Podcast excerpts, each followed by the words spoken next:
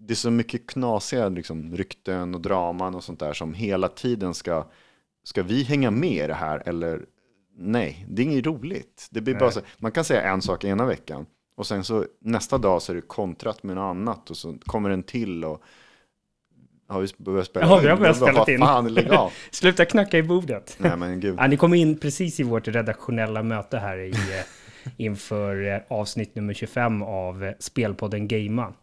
Eh, vi, jag och Henrik, vi eh, kör ju den här podden. Den kommer ju varje måndag. Mhm. Och eh, någonting vi liksom bestämde ganska tidigt var att vi är ju inga riktiga så här, snaskmänniskor. Alltså det här med drama och hitta på. Jag tycker liksom. om godis. Jaha, inte sånt. Nej, inte sånt snask. Ja, du gillar ju Vertes original. Det är ju... Nej, det är gubbgodis. Ja, men det är det jag menar. Jaha, okej, tack. Nej, men, ja, men vi, vi pratade om att den här veckan så har det inte varit några så här jättestora nyheter på spelhimlen. Nej. Inte direkt, utan det som kanske har liksom framgått mest i media är ju ja, men lite drama hit och dit och skvaller och sånt där. Mm. Jag tänkte på det, du brukar ju tipsa om den här Spawn Wire, heter den det? Spawn Wave. Spawn Wave, ja, Ja. så är det Så jag kollade på den kanalen lite grann på YouTube och han är ganska, han är ganska vettig och sansad och sådär. Ja. Han har ju extrema clickbaits på, på sina titlar. Ja. jag skulle ha extremt svårt med att säga bara det här är en stor game changer för Microsoft. Och så går man in och lyssnar och säger ja okej, de har utlyst ett nytt spel. Mm. Jag, jag har liksom inte tillräckligt dålig moral för att kunna göra sådana saker. Ska man överleva i, i den här branschen så är det nästan, det är clickbait som gäller om man ska ha de här stora bara push ut i bara vi vill synas liksom. Ja, Men ja, jag, jag vet inte, det blir så fake på något sätt om man, om man sätter en, en titel och sen så pratar man bara i tre sekunder om det och så bara lämnar man det ämnet sen. ja, Det kändes inte som, hade man någon substans bakom det här ämnet? Så här, nej, det var bara, bara för att vi skulle få en lyssnare eller för att någon på YouTube skulle få en, en viewer. ja, Det kanske går hem, men jag tycker inte att det är kul ändå. nej. Jag vet inte riktigt hur man ska lägga upp sådana där saker. För det är klart, jag tittar ju på drama. Jag tittar ju på snask. Ja. Men jag kanske inte tycker om att prata om det. Jag tycker bara om att lyssna på det. Så här. Ja, det är kanske inte är de du respekterar mest heller. Om du Nej. vill ha en, en riktig, ärlig liksom, synvinkel på ett ämne. Ja. Då är det svårt att gå till en sån kanal. Det är många, många YouTubers och sånt, de har ju väldigt så här, de ska skälla på någonting. Det är så här, Ja. nu har det hänt, nu katastrof på det här grejen. Och, Eller hur? och sen är det inte så katastrof ändå. Men det är ändå det som folk vill lyssna på kanske. Ja. Mest av allt. Det är ju så här när någon är, freakar ut om man säger över någonting. Ja. Jag vet inte, det, det är kul. Alltså, vet du vad, vad det största snasket oavsett kategori var under den här veckan? Nej. Har du hängt med där på nyheterna? Det var ju en sån här, typ, tänk så här Hänt Extra, Mm. fast i Tyskland. Jag kommer inte ihåg om det hette så här Die Aktuelle eller något sånt där. Men det var verkligen så här, du vet, så här snaskbilaga, eller snasktidning. Ja. Eh, ja, men du vet vad Hänt Extra är? Mm. Alltså man har ju bläddrat på hos frisören ibland. Liksom, Ja, så här. Det står alltid så här, här är Jesper Parneviks nya flamma och så här. Oh, Ja. Intressant. Och så är det inte det. Nej, nej, det ändras ju från vecka till vecka eller något sånt. Men den här tyska tidningen, den hade ju gjort en, eh, en intervju med eh, Michael Schumacher. Mm. Vet du vem det är? Han, är ju, han ligger väl och inte är så bra på att prata antar jag. Nej, exakt. Ja, men det är ju den här Formel 1-världsmästaren. Ja. Eh, nu vet jag inte hur gammal han är nu, han borde vara drygt 50. Är han vaken och kapabel att prata? Ja, men det är det här man inte vet. Okej. Man har ingen aning. Det som hände var ju att han, eh, var det så här tio år sedan, kanske, jag kommer inte ihåg om det var plus eller minus några år. Mm. Men han eh, råkade ut för en ganska allvarlig skidolycka. Mm. Så han eh, eh, hamnade i koma.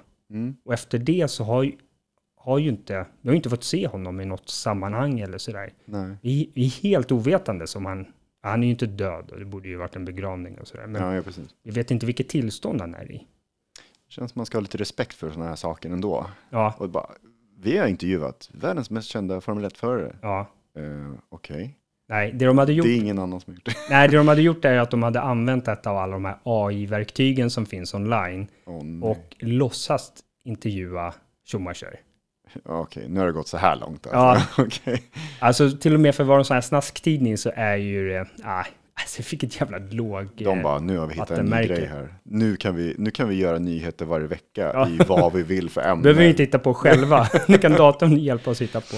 Spännande. Men jag såg, jag tror att det var idag eller igår, så det är lite ovanligt i sådana här, alltså de vet ju när de gör den här artikeln, Mm. låtsasintervjun, att oh shit, det här, det här kommer bli mycket skriverier och vi kommer bli stämda och så vidare. Ja. De är tydligen jättevana med att bli stämda, men de är väldigt duktiga på att röra sig precis inom liksom lagens, där, där det tippar över och blir olagligt. Mm. Så att de ju förmodligen haft den infallsvinkeln även på den här intervjun. Liksom. Så, ja, men om vi skriver en fotnot i slutet av intervjun, nej men den här var gjord av en dator, då klarar vi oss. Huh. Men nu fick han sparken, deras chefredaktör. Ja. Så till och med de tyckte nog det, med lite retrospektiv, att nej men det här var inte bra. Nej.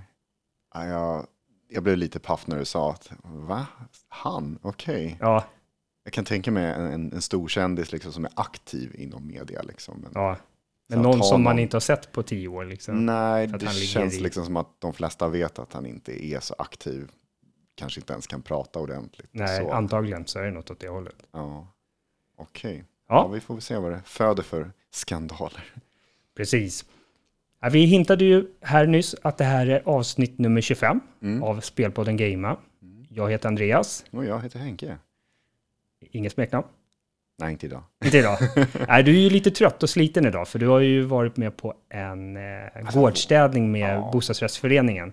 Känns som att jag blev slagen. Lite Dead Island 2 med alla möjliga melee-vapen. Alltså, någon har dragit i ryggen och i benen och i armarna. Alltså, jag har ont. Av att kratta lite löv. Nej, jag var sandsopare. Okej. Det är tungt. Ja, det blir det, tungt det, efter det ett är tag. två stycken parkeringar och det är hur mycket grus som helst. Så det var inte så många andra ungdomar, eller jag kallar mig själv ungdom. Mycket pensionärer här i för- den här föreningen. Och jag får ju ta de här äh, kanske tunga lasten, De ungdomliga jobben. de ungdomliga jobben. Ja. Ja, Man vill ju bara bli klar så att man försöker jobba så hårt som möjligt. Vi ska ju spela in podden här också. ja exakt. Mm. Vi kommer lite osökt in på dagens eh, ämnen då. Yes. Eh, vi tänkte bland annat prata om att vi fick lite nya Division 2-nyheter under veckan. Mm. Quidditch, jag är lite osäker på uttalet. Eh, det här var ju, det är ju sporten i Harry Potter, eh, böckerna och spelen. Ja. Alltså den sport man spelar på det här Hogwarts-universitetet Mm. universitetet då. Det kommer nu komma, ja. men inte till Hogwarts Legacy som många, inklusive jag själv, trodde. Aha. Sen köper det japanska företaget Sega upp det finska spelutvecklingsföretaget Rovio. Och sen får vi också stora förändringar på Twitter. Eller vi har fått dem redan.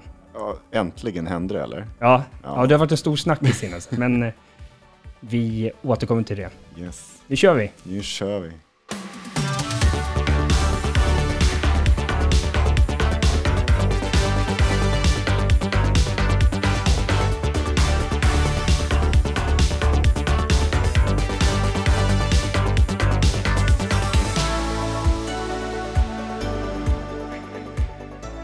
Ja, om vi ska beta av vad vi har spelat eh, så sa du här att du hade spelat Far Cry Primal. Ja, har du koll på vad det är för någon Ja, version alltså- om man säger? Ja, det, absolut, när det kom för ett par år sedan där så... Ja, det är 2016 kan jag säga. Okej, Ja, när det det är kom... långt. Fan, det är typ som min son är gammal nästan. Nej, ja, Ja.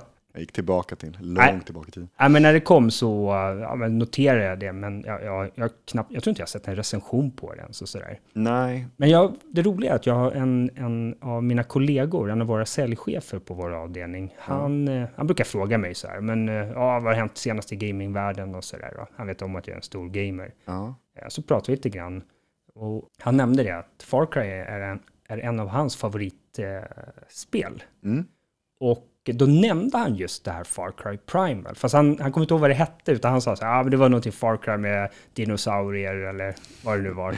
ja, det är ju stenåldern kan man väl säga minst sagt. Det är 10 000 före Kristus som det utspelar sig. Får jag bara börja fråga, Ja. varför började du spela nu? Alltså jag vet inte, det var mera, det var den här extra tjänsten igen som jag liksom Ah, den började där. dammsuga. Men sen var det det... Playstation Plus extra eller? Ja, så Ja. det ingår ju massa Ubisoft-klassiker där. Just det. Och jag är lite så här sugen på att gå tillbaka till saker ibland som jag inte har rört, men jag har tänkt så här, vänta, fick det här bra kritik eller var det bara liksom att någon inte tyckte om själva miljöerna eller något sånt Ja, där. just det. Så jag bara började titta lite så här på, vänta, det här är väldigt annorlunda Far Cry-koncept. Ja. Jag måste testa. Kom, så, kom det i samband eller kom det liksom före eller efter hor- första Horizon Zero Dawn där? eh, Horizon var väl 2018 va? Eller okej. sånt. För jag blandar ihop de här 17, spelen 18. ibland när jag Ja, typ ser jo. skärmbilder och sånt där. Även om de är lite olika varandra. Det här är ju väldigt så här, gick under radarn att det fick lite dålig kritik och det var inte alls Far Cry liksom som det brukar vara eftersom det är inne, inga pistoler, inga liksom det. sådana där saker utan här är du ska använda spjut och du ska använda liksom stora klubbor och du kan tämja bestar som du kan använda som pets och liksom använda som kompanjoner om man ska säga. Ja, okej. Sen är det ju det är inget engelska i spelet. Det är bara uga buga, uh, baba, boba, boba. Ja, okej. Så här grått språk som Ja, man bara, vänta jag måste läsa undertexterna helt plötsligt. Och det är på svenska då för mig då.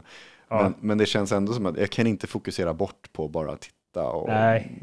jag måste läsa verkligen. Okej. Eh, men själva storyn är ju lite så här, ja, ett, ett, ett annan, en annan liksom eh, grupp människor kommer och är, är taskiga eller vad man ska säga. Ja, ja. För den, det är ju olika, så här, stenåldern är ju uppbyggd på att eh, det är byar, mycket så här, Olika stammar och mycket sånt stammar, ja precis. Och då är det den stammen som jag eh, ingår i, om man säger den som man spelar.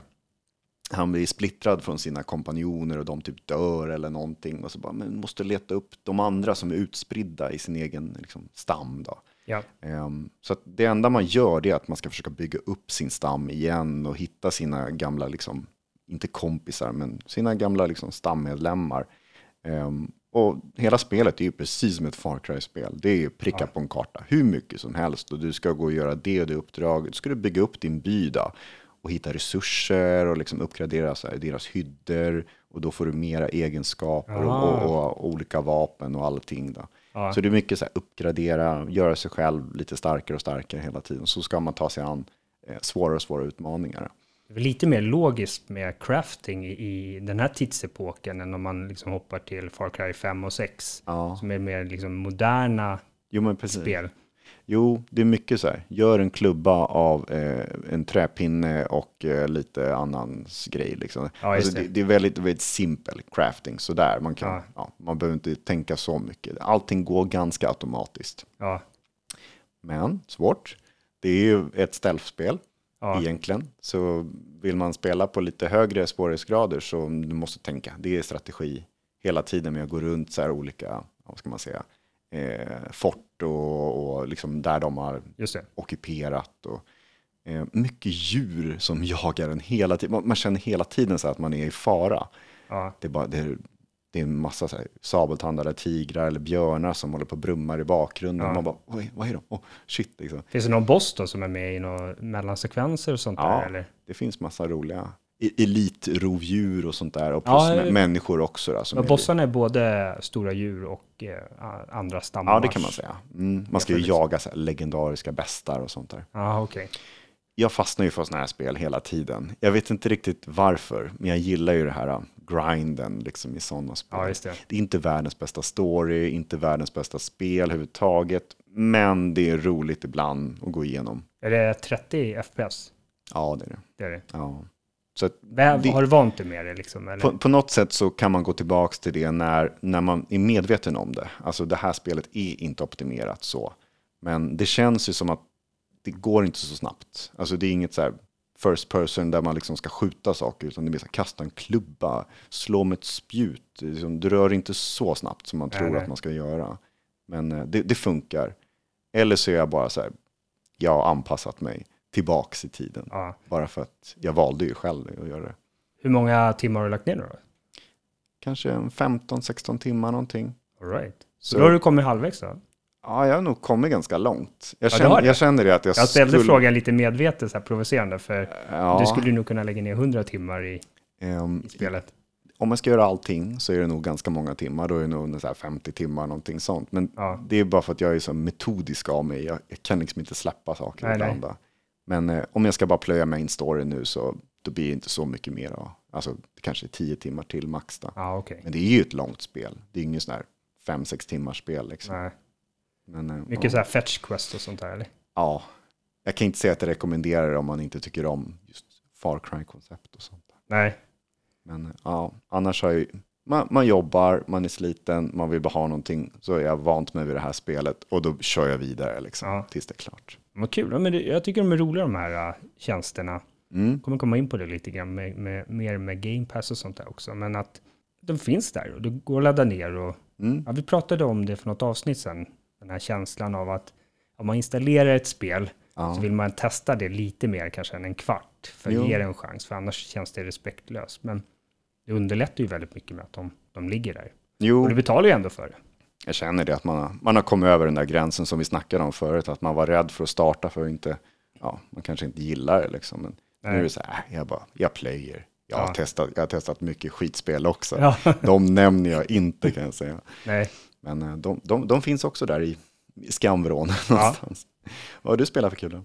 Ja, men jag kan väl backa kalendern här, en, eller klockan, en vecka. Ja, Eh, Jag satt och funderade. Jag var ute och käkade middag med en, en polare och så. Och då uppstod det, eh, det en möjlighet att eh, få låna en Xbox Series S. Och det gjorde jag. mhm, Eh, Med, med liksom förbehållet att få köpa det för, för 2000 kronor också. oj, Så jag lånade det och jag bara wow. Och så jag kö- köpte det också. Så i en veckas tid har jag faktiskt varit Xbox-ägare. Lägg av. Ja, nej, men jag kände det nu när vi, vi har, pra- vi har varit 24 avsnitt av konstant säga så här, vi har ingen Xbox. Mm. Ja, så jag var ju lite, lite förberedd på något sätt att det här skulle vara en liten svagare hårdvara och sådär. Men Mm. faktum är, det, det jag spelat så tycker jag faktiskt att det mesta rullar på ganska bra. Och Mm. framförallt så, i och med att det är en eh, SSD-hårddisk där, Mm. heter den? NVMe Oj, Ja, Den, om du vet den här standarden, Ja. lite, lite mer moderna än gammaldags SSD. Eh, Inte lika fet som den i, i Playstation 5. nej. Men det gör ju att allt känns rappt i menyer och sånt där. Ja, Det, det. det är eh, alltså ingen lagg eller animationer som tar lång tid eller Mm. liknande, utan allt, allt bara är super, super rappt. Och eh, jag har spelat en del spel då, eh, för jag signade upp mig på, på Game Pass Ultimate igen då. Jag har ju haft det tidigare för att jag ska streama på min dator. Ja, Men nu har jag det för att kunna ladda ner spel till, till Xboxen då. ja, Så jag har suttit och kört, framförallt, jag tror jag har lagt ner en 10-12 timmar på Atomic Heart till Ja. exempel. Eh, kanske inte så lång tid, eh, 8-10 timmar kanske. mm. Eh, så jag har kört det väldigt, väldigt mycket. Och jag tror, jag är, tror att det är eh, 60 FPS faktiskt. Sen, sen har jag kopplat in den här på min eh, har så här smart monitor, eh, Ja. Samsung som är 32 tum. Så jag, jag har ju kopplat in den till den, så jag spelar inte på vardagsrums-tvn. okej. Vilket gör att jag behöver inte ha 4K. Nej, Jag tycker att full HD blir, blir aldrig, funkar alldeles utmärkt på en 32 tums skärm. ja, Eh, Så det, det har jag kört väldigt mycket. Nu känner jag dock att jag tror jag kom ungefär lite knappt hälften av spelet. Mm. Jag satt och försökte kolla på en, en sån här mission-lista. Nu börjar det bli lite åt det tjatiga hållet och väldigt mycket så här fetch quests eller liksom oj, nu kommer jag in i ett rum där ska jag installera fem behållare. Ja. Okej, en behållare finns där, en finns där, en finns där och så, ja, det blir liksom uppdrag i uppdragen och springa och hämta saker och så. ja, Men det var länge sedan jag spelade ett spel där jag får gåshud av att jag är rädd.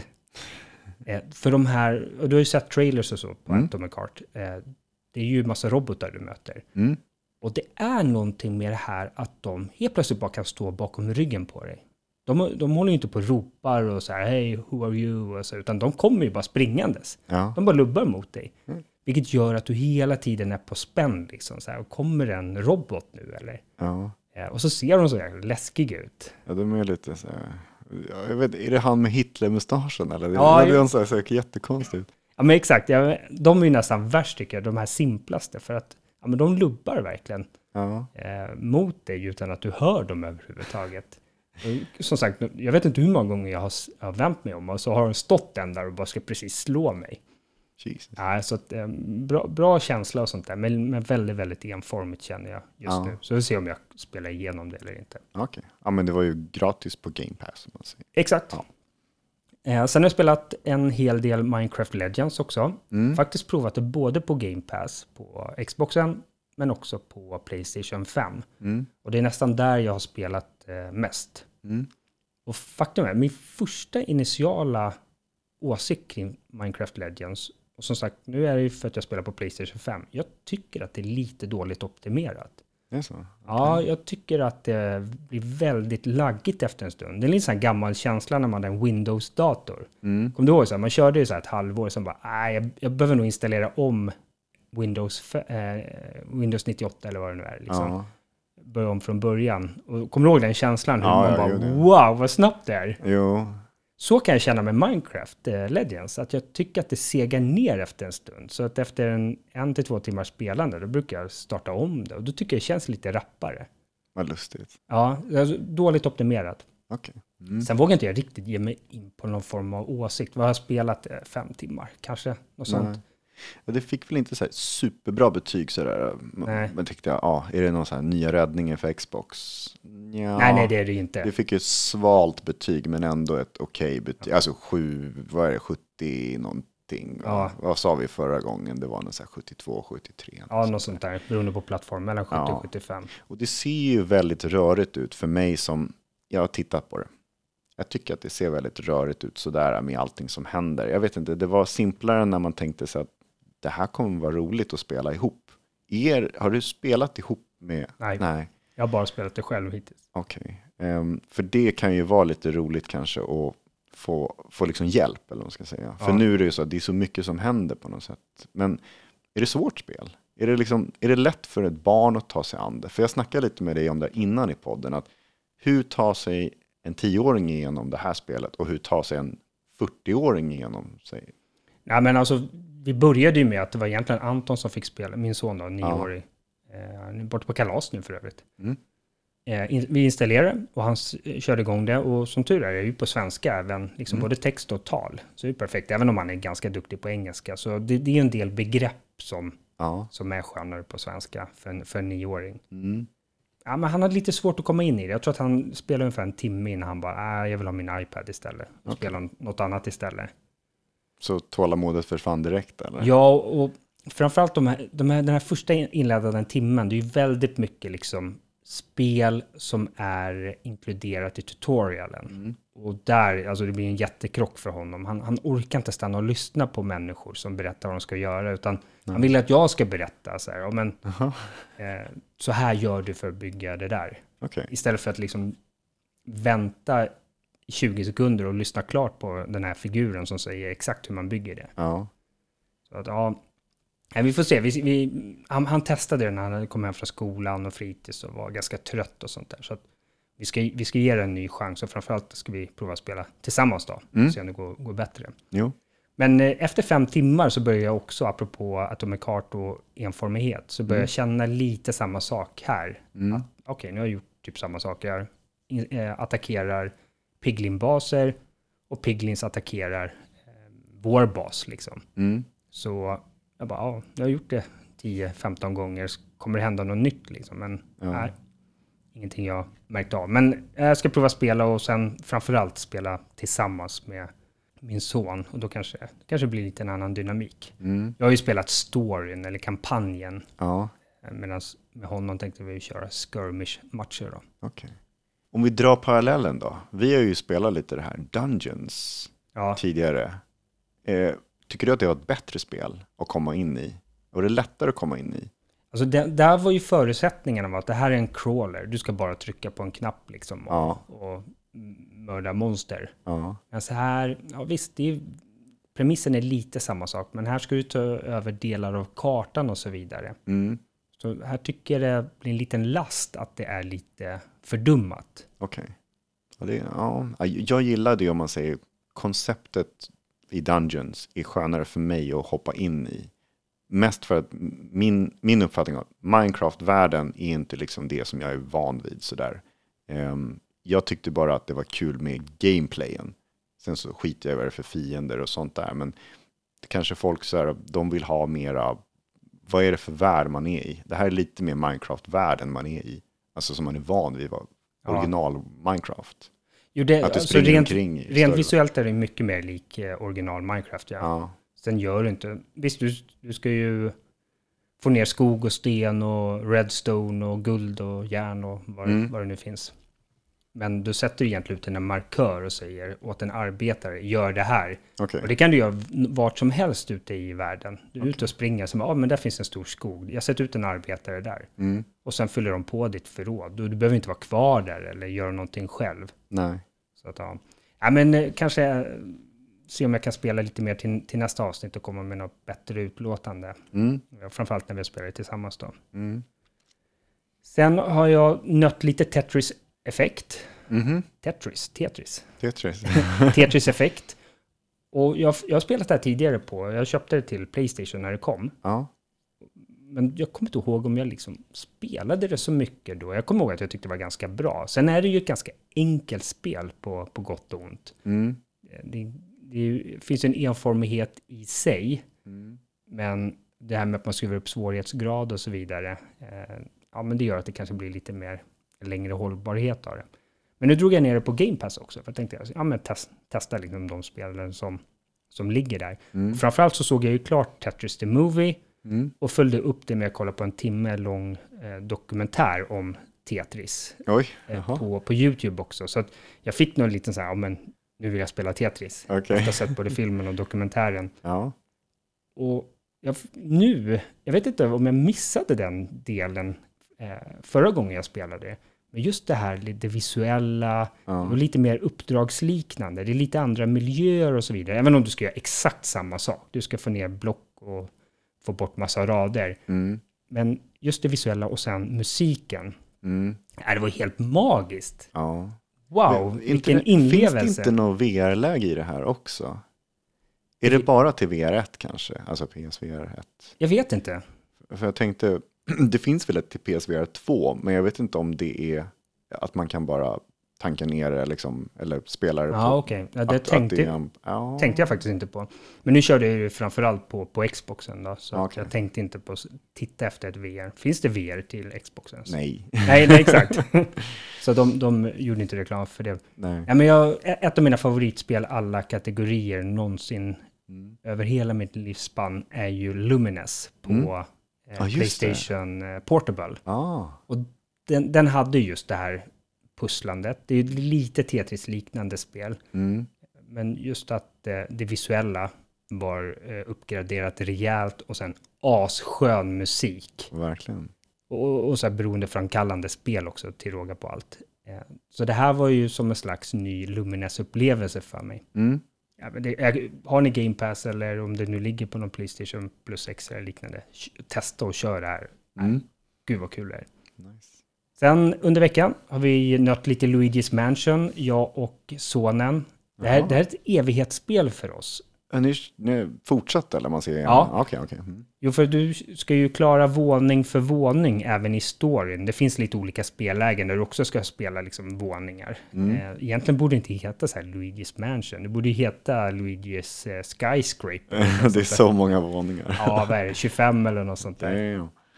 Men jag tänkte på det, för eh, var det förra eller förra, förra avsnittet så pratade jag väldigt mycket om eh, Zelda, Tears of the Kingdom och Breath of the Wild. Och jag hävdar ju att de här spelen får ju mer buzz bara för att det är Zelda. Mm. De skulle, hade det varit någon annan karaktär, någon generiskt eller någon ny IP eller liknande, Ja. så hade, jag är ju fast besluten på att nej men då hade det inte varit lika hypat och hade inte sålt lika mycket. Mm.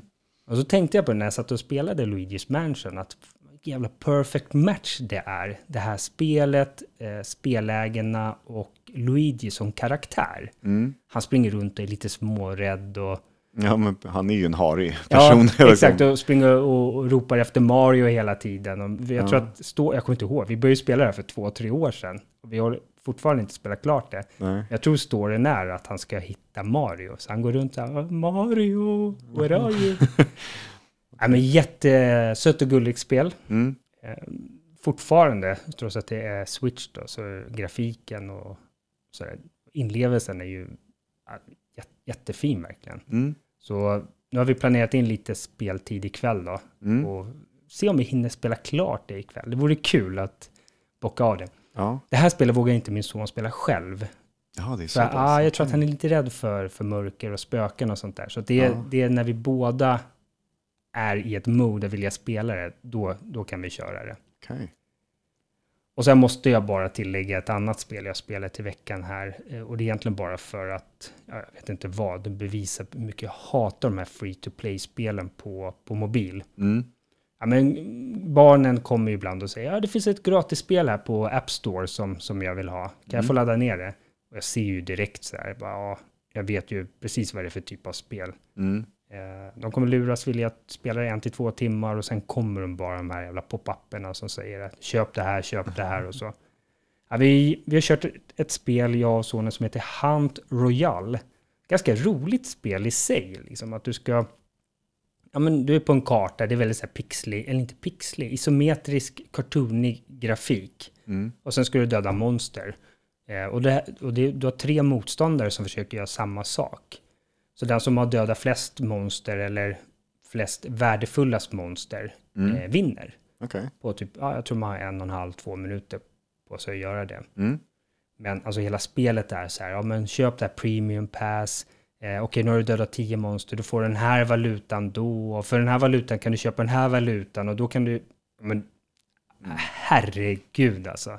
Det här är ju så i alla sådana spel. Ja, men det, det är så hemskt alltså. Ja. Och det här jag kan tycka är så trist att de hade ju kunnat gjort ett riktigt spel av det här. Mm. Och sålt det för kanske 300 spänn på Nintendo Switch eller ja, nej, jag, blir- jag blir bara arg. Och jag visste ju det när jag spel, började spela det att ja, det kommer bara vara massa typiska free to play aspekter. Men i och med att han ville verkligen prova spela det med mig, för man kan spela det med co-op också, Mm. så bara, men jag ska testa det. Jag ska verkligen se vad det är.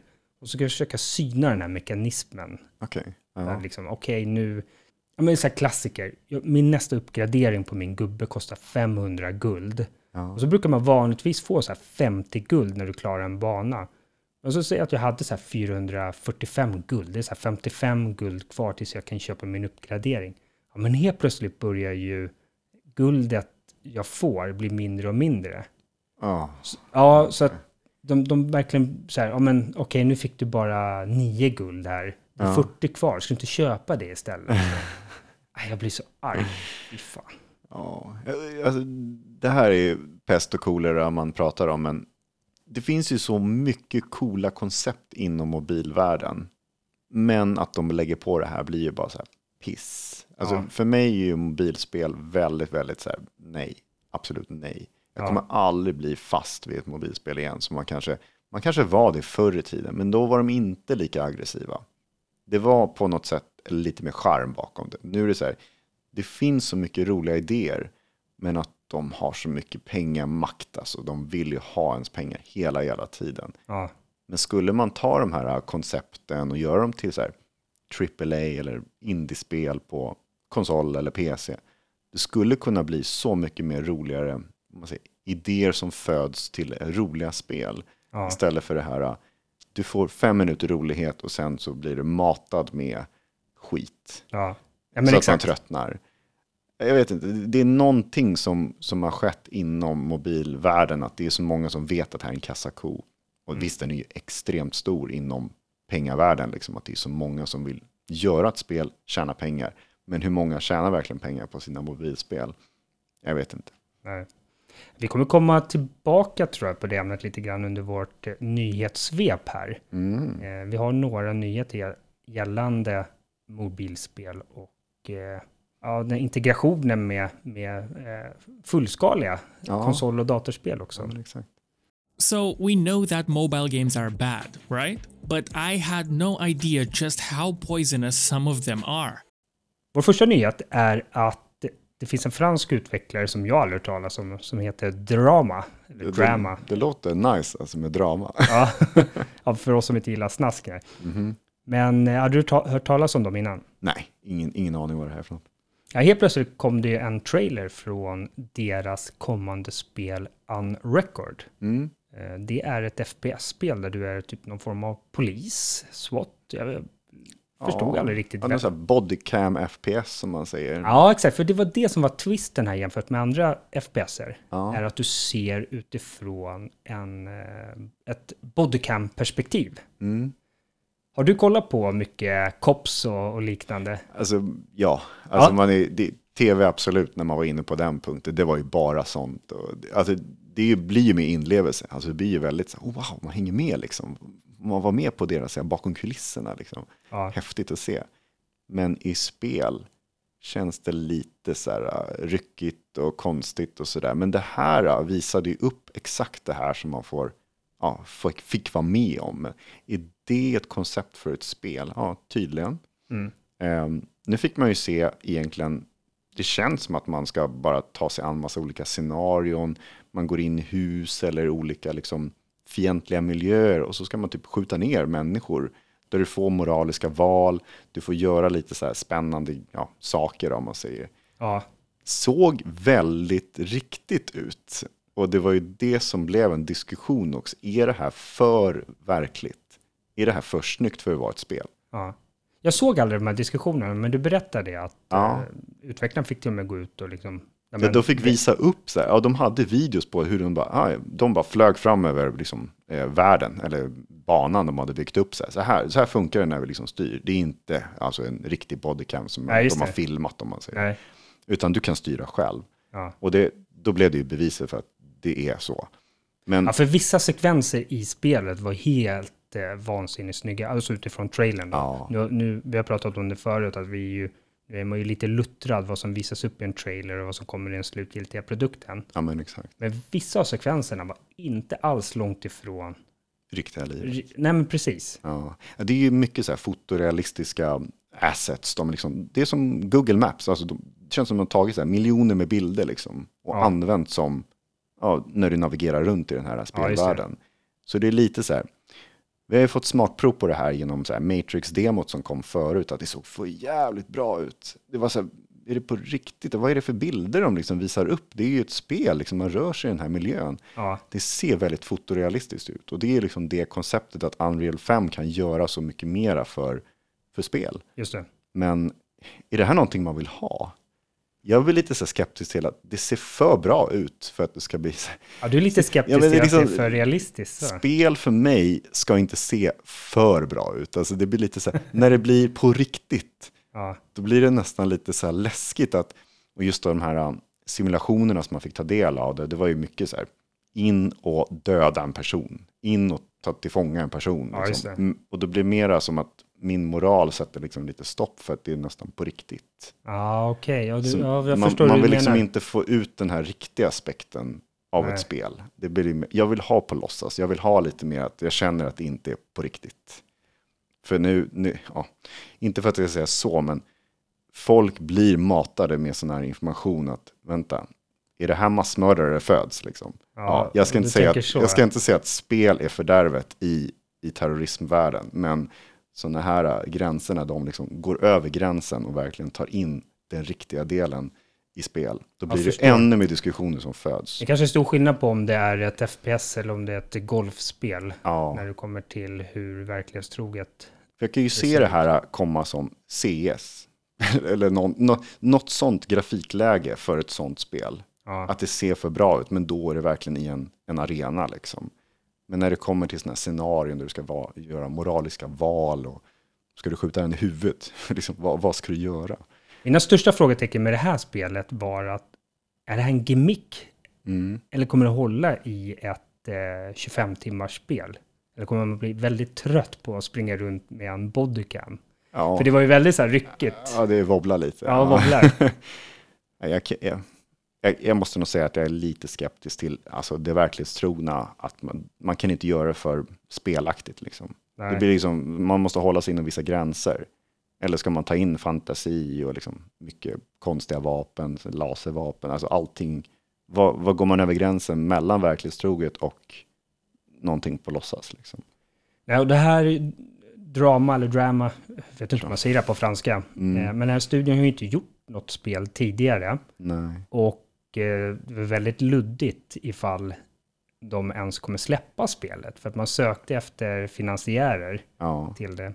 Ja, till och med en publicist och ja, någon som kan ge ut spelet. För. Det kan ju vara lite så här, nej, vi vill inte stå bakom det här spelet. Det är för omoraliskt på något sätt. Intressant att du fastnar där med moral och så. Ja, men det är, det är någon sätt, när du passerar gränsen mellan att det är för riktigt på något sätt.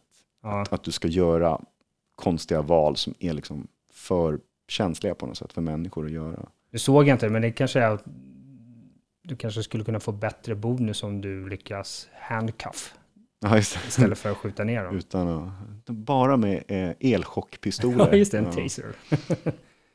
Nej, jag tror inte att det här kommer bli någonting vi kommer se eh, om ens några år. Men det är häftigt att de gör såna här snygga, vad man säger, demos, trailer eller vad det nu är för någonting. Att det går att göra ens. För det kan ju ta vidare tekniken till andra spel, om man säger som, som jag anser vara mer inom spelvärlden. Ja, verkligen. Ubisoft hade ju en liten showcase Mm. under, eller jag vet inte om de kallar det showcase, men de hade en liten, lite roligt, de hette han så här, Ubisoft News Team eller något sånt där. Ja. Han, han som presenterade. Vi fick Division 2-nyheter.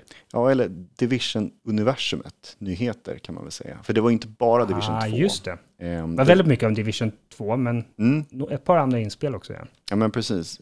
Vi fick ju se Det egentligen. här är ju din gebit bara så det, du, precis, det här är Ja. ju någonting som jag är passionerad över. ett Som av dina jag favoritspel. älskar Division, eh, franchisen och återkommer nästan frekvent till och liksom när det kommer nya patcher eller nya uppdateringar och sånt. Jag kanske inte pratar om det så mycket men eh, det kommer ju lite nyheter ibland sådär. Men det är ju ett gammalt spel nu. Så nu annonserar de ut att det kommer year 5, år 5 liksom av det här spelet. Med fyra nya säsonger. Och vi kommer ju få lite nytt innehåll där, bland annat eh, ett gratis mode som hette Descent. Eh, det är som ett roguelite-läge. Det kommer vara liksom i princip som en simulation. Där du går in från noll scratch, du har ingenting och sen ska du bygga upp din karaktär och ska du gå vidare mellan våningar och levlar och sådär. Eh, kanske inte så revolutionerande, det har ju funnits lite sånt tidigare under Division, om man säger spelen. Men det är lite Fortnite och PubG och sånt där, att man börjar från scratch och samlar på sig saker. Och... Ja, du ska egentligen ta det så långt som möjligt tills du dör. Okej, Och eh, det för var det väl, gör du eller, det, eller finns det något slutmål? slutmålet är väl egentligen bara Nej, jag tror inte att det finns något slutmål.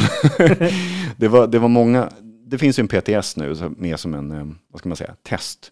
Eh, test för det här. En PTS? Ja, de kallar det det eftersom man får testa saker innan det går live. Så de som har anmält sig till den här så kallade PTSen då, de får ju spela det innan. Jag jobbar ju inom telekom, det säger jag ganska ofta, men då är ju PTS är ju Post och telestyrelsen. Ja, det, det är inte Post och telestyrelsen. Kommer alltid med krav på oss. Ja, exakt. Nej, men eh, de som har anmält sig och blev godkända, om man säger, för att testa det här, de sitter ju och spelar det här game-modet nu och testar och Ah, okej. glitchar och håller på att utnyttja systemet. Och de är ju, i princip så är de betatestare Ja, för hur det ska bli live sen då. okej. Och de har ju redan kommit på hur man ska utnyttja det och gjort sig OP liksom i hela det här game-modet. Så, att, så spännande kanske inte vara. Men vi får ju också en... vi fick ju information att de här eh, nya eh, Year 5 då, det blir ny incursion, vilket är som en mini-raid. Och det ser jag fram emot. Tillbaks från Division 1 när det fanns sådana mini-raider. då. Ja, Sen var det mer story DLC, nya zoner, lite uppdrag och ny endgame-struktur och sånt där. Så någonting händer. Men jag är fortfarande, eh, jag vill ju ha Division 3 såklart. Men de, de pratar ju inte alls om det liksom. men du får ju ett nytt Division-spel. Eh, Resurgence. åh, nej, prata inte om det.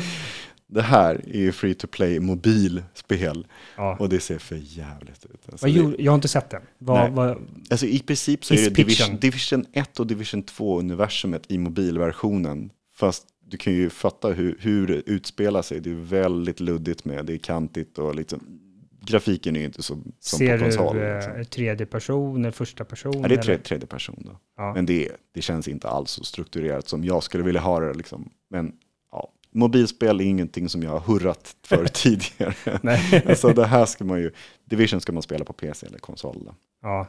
Jag tycker inte att vi pratar så mycket om den punkten. Utan det var en till grej. Ja. Eh, och det är, vad kan man säga, en PVP-studio inom Division Franchise som har fått bygga ett nytt koncept som heter Heartland. Så Division Heartland är, kan man säga, en PVE slash PVP. Eh, lite som en Dark Zone, men en, en stor Dark Zone från Division 1 av som jag tyckte om. Ja. Eh, och det här funkar i princip som att det är dag och nattcyklar. Så vill man bara spela mot AI-bottar, eller man ska säga inte mot PVP, så kan man hålla sig på dagen. Eh, och Alltså det- dagen i spelet. i spelet, ja precis. Och sen när natten kommer, då börjar det härja med PVP. Så då blir man matchad mot andra spelare. Ah, och okej. AI då.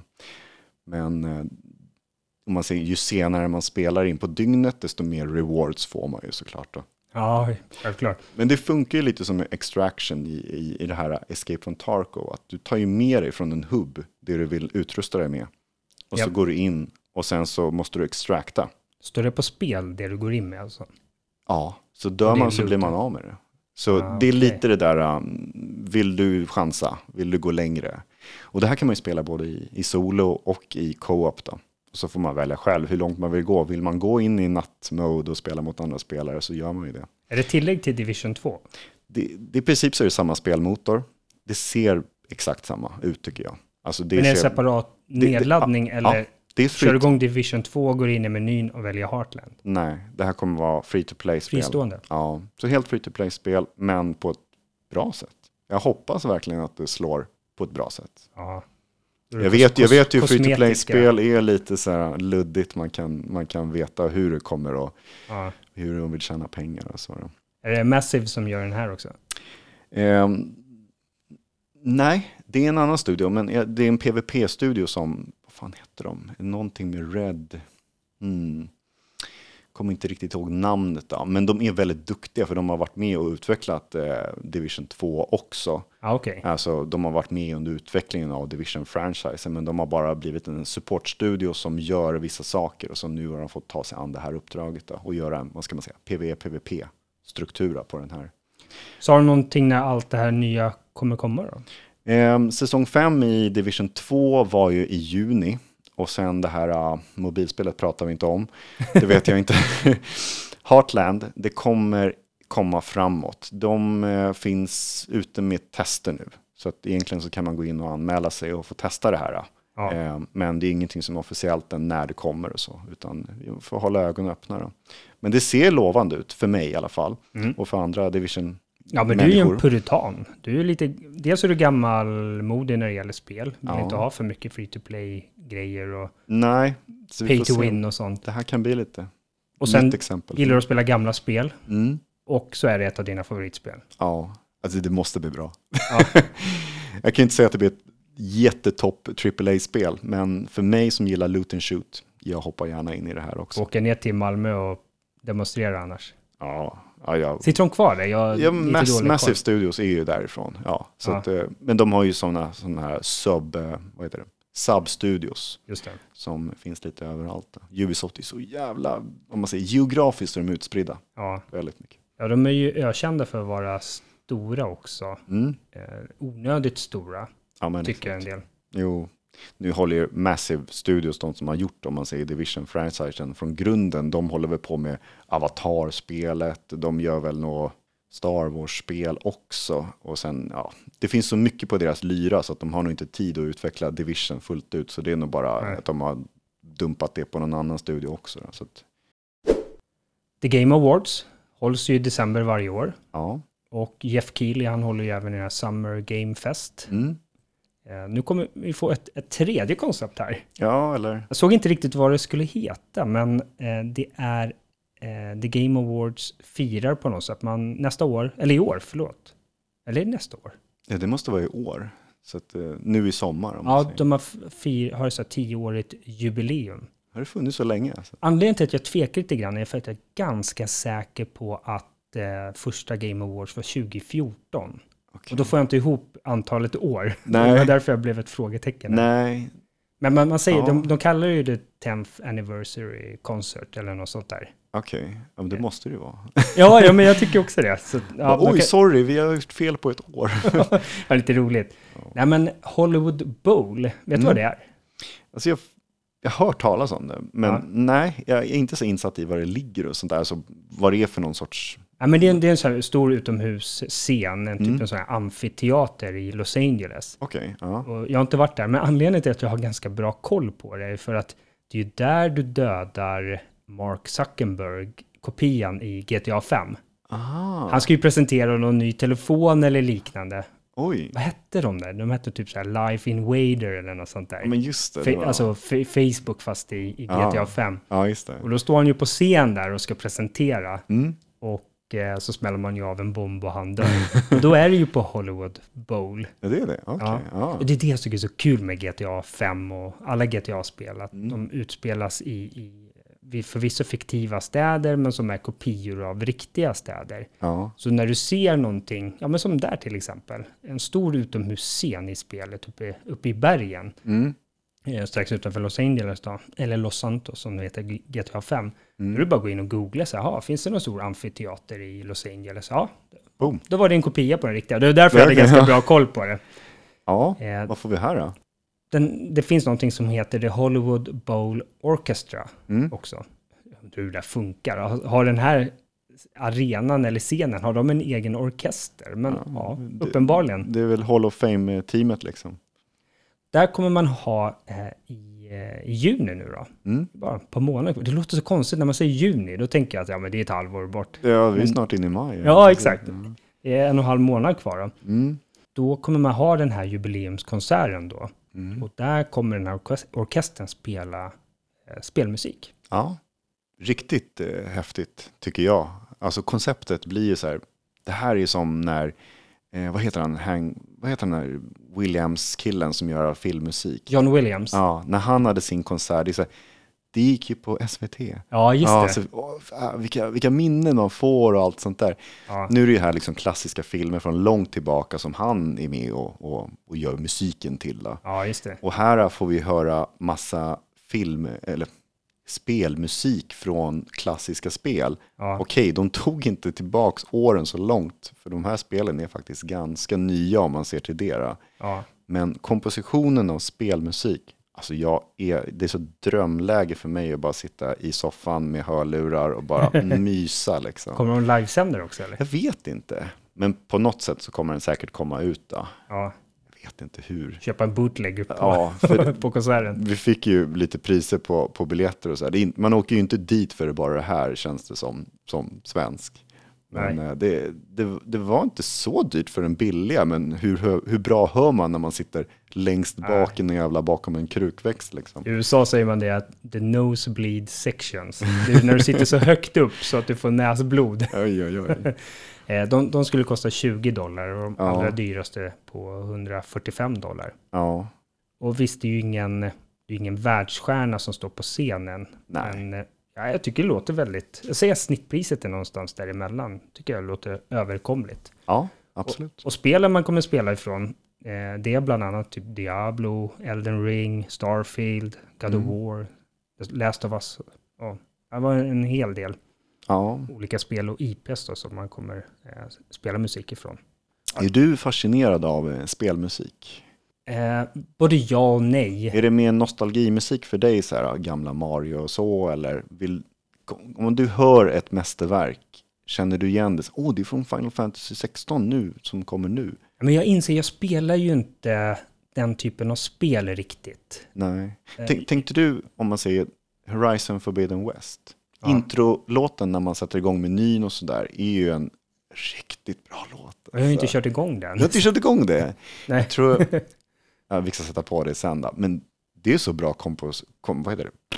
producerat. Kompositionen. Kompositionen är så jävla bra och, och Ja. man, blir, man blir helt hela, man blir rörd. ja. Det är mästerverk alltså. ja, men för att jag gillar spelmusik. Jag spelar ju väldigt mycket sportspel. Mm. Och där har man ju alltid så här någonstans mellan till 20 till 40 riktiga sånger med. Liksom i menyerna och så vidare. Ja, just det. Så där har ju, alltså väldigt många som ligger i min eh, så här, favoritlista på Spotify Mm. har ju kommit från sportspel. Ja, just det. Men så här Fifa 14, ja, men då hade de det och den och den låten med. Liksom. Ja. Och, så du vet, sitter man och nöter 100 timmar i Fifa. Ja, då får man höra den mycket. Ja, då hör man det ganska ofta och, och vissa av de här fastnar ju verkligen. Det är nästan som att man hoppas bara, hoppas det blir den där låten nu liksom. Ja. Och sen är det ju vissa titellåtar är ju, är ju magiska. Mm. Jag har ju, min favorit, det här är egentligen inte spelmusik, utan det här är ju cover. Men jag hade ju Commodore 64 när jag var liten. Och då fanns det ett spel som hette Trolley Wolly. Okej. Och då var det, det var ju så här siddemusik, väldigt så här pling-plong. Ja, Alltså det var ju, ja, ja, det fanns inte bättre nej det fanns ju inte bättre. Då hade de gjort covers på, jag lär mig aldrig vad han heter, Jean-Michel Jarre. Mm. Den här franska Ja, syntguden liksom. Ja. Jag ska inte säga att jag gillar allt han gör, men väldigt mycket. Men, men många av sådana här låtar som typ, man säger lite slarvigt, popcorn. ja, just det. Och, men det är också en, en, några, det är ett medley egentligen av, av ett par låtar som han har gjort. Mm. Och det är nog min favoritmusik alla kategorier. Och jag kan än idag liksom gå in på YouTube och bara få igång den här SID-musiken med, ja, men med det här medlet då. Okej. Så att, ja, absolut, jag gillar spelmusik, men de här konserterna, de Mm. tenderar ju bara på att plocka musik från, ja men så Diablo, Final Fantasy-spelen och så. Ja, det är mastodontmusik verkligen. Ja, och i och med att jag inte spelar de spelen eh, speciellt mycket, så får jag inte den här relationen. Nej. Så jag säger inte att det är dåligt, jag säger bara att det för mig är det, det skulle lika väl kunna varit en Mozart-musik. För Ja. jag har inte hört den tidigare. Ja, men ungefär. Ja, det är liksom, känner du igen så här Braveheart? ja. ja. Ja, men så, det här är ju deras version, Ja. spelvärldens version av så här Braveheart och sådana liksom ja. kom, storartade liksom filmmusikssnitt. Jo men precis. Jag älskar ju sådana här konserter när de kör poplåtar, Mm. fast det är orkestralt då. Ja. Det är ju lite samma sak. Det blir ju covers, Ja, fast men med exakt. orkester. Jag kan ju inte tänka mig ett spel utan musik idag. Alltså, det hör ju hemma på något sätt i, i den att ska man ha ett spel så måste man ha någon sorts musik. Och vilken kvalitet på musiken eller vilken produktionsvärde är ju liksom, det är A och O ibland. Men man, en, en Svensson, Robin Oskarsson från Oskarshamn kan göra en världsbra låt. Ja. Så att det låter ascoolt genom dator. Ja. Alltså det behöver ju inte vara Hank Williams, eller vad heter han? Var Hank heta- Williams? Ja, men vad fan vad var det? John Williams. Williams. John Williams, sorry. Vem är Hank Williams? Jag Jag, vet inte. är det någon annan känd? jag fick en flashback. Ja, nej men det behöver inte vara någon världsstjärna. Eftersom alla är kapabla till nästintill att kunna kopiera sådana saker. Ja, Eh, inte 100%, men nästintill.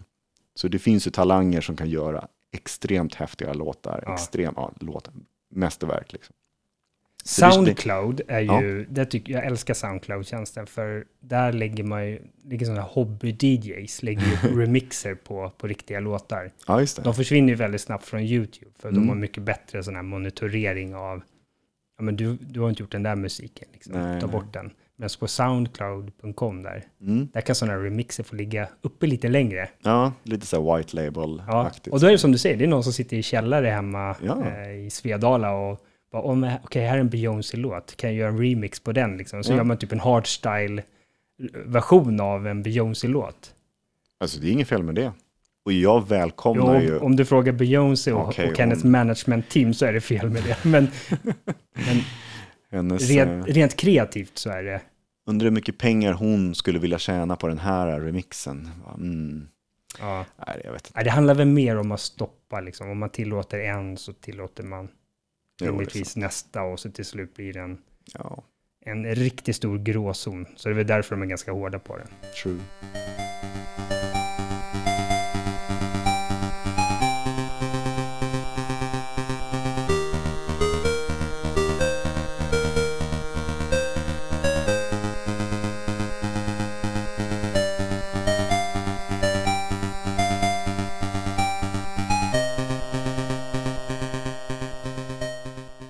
När Hogwarts Legacy släpptes Mm. så fanns ju Quidditch, det, det är den här sporten, vi var inne på det lite i innehållsförteckningen. Mm. Jag är inte riktigt insatt i vad den går ut på, men man ska flyga med kvast. Det är ju, det är ju sporten man sysslar på, på, Mm. det här, på den här skolan Hogwarts då. Eh, Du är två lag och så ska du eh, liksom skjuta bollar i ringar och ja, jag minns inte riktigt vad det var. Mm.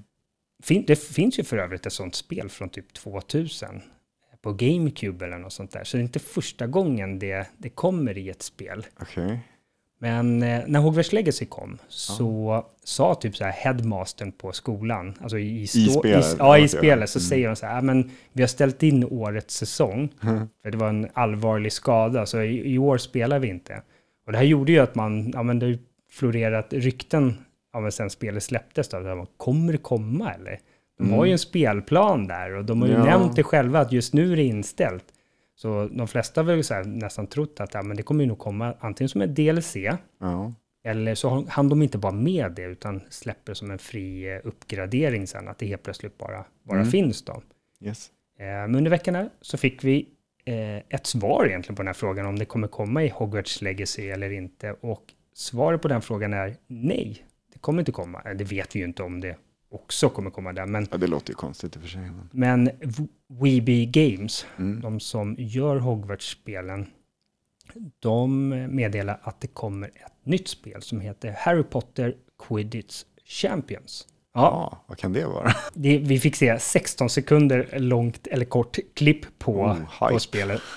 Eh, vilket avslutades med typ så här join the playtest. Mhm. Jag fick tyvärr väldigt så starka mobilspelsvibbar eh, av spelet.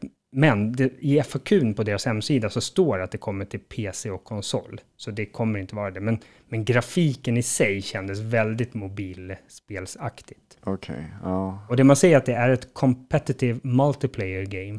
Så jag får lite så här, vad, ska det vara typ Rocket League eller, eh, fast i Harry Potter-tema? Ska man ha olika roller liksom? Vem vill inte vara, vad heter han som åka och... Seeker? The Seeker eller? Ja, just det. Ja, men det är roligt för jag, jag var tvungen att googla, jag bara, innan jag pratar om quidditch i podden så måste jag för fan veta någonting om det. Ja, så jag, du är experten, eller? nej, nej, men, nej, ja, eller hur? Men när jag googlade på det så såg jag, okej, man ska vinna med 150 poäng eller, eller något. Nej, vänta, matchen avslutas så fort man tar den här snitch.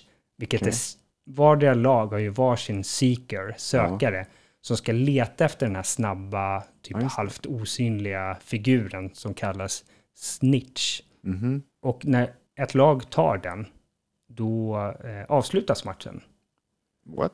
Och det lag som får den får 150 poäng. Mhm. Så ibland kan det vara dåligt att ta den. Så ligger ditt lag under med 160 poäng Mm. och du tar den, då får du 150 poäng. Det vill säga du förlorar med 10 poäng. För Ah, matchen avslutas. Okej, det är så. Ja. Ja, jag har faktiskt inte... jag- Vi har pratat om det i två minuter nu. Om ett 16 sekunder långt klipp. Jag vet inte, har du något tillägg? Liksom, är du taggad eller? Jag, jag ser ju, om man tänker sig e-sport, om man tänker så, att det ska bli någon sorts här multiplayer e-sportsvariant. Nej, det kommer aldrig funka. Nej, alltså det är lite för, lite för vagt på något sätt.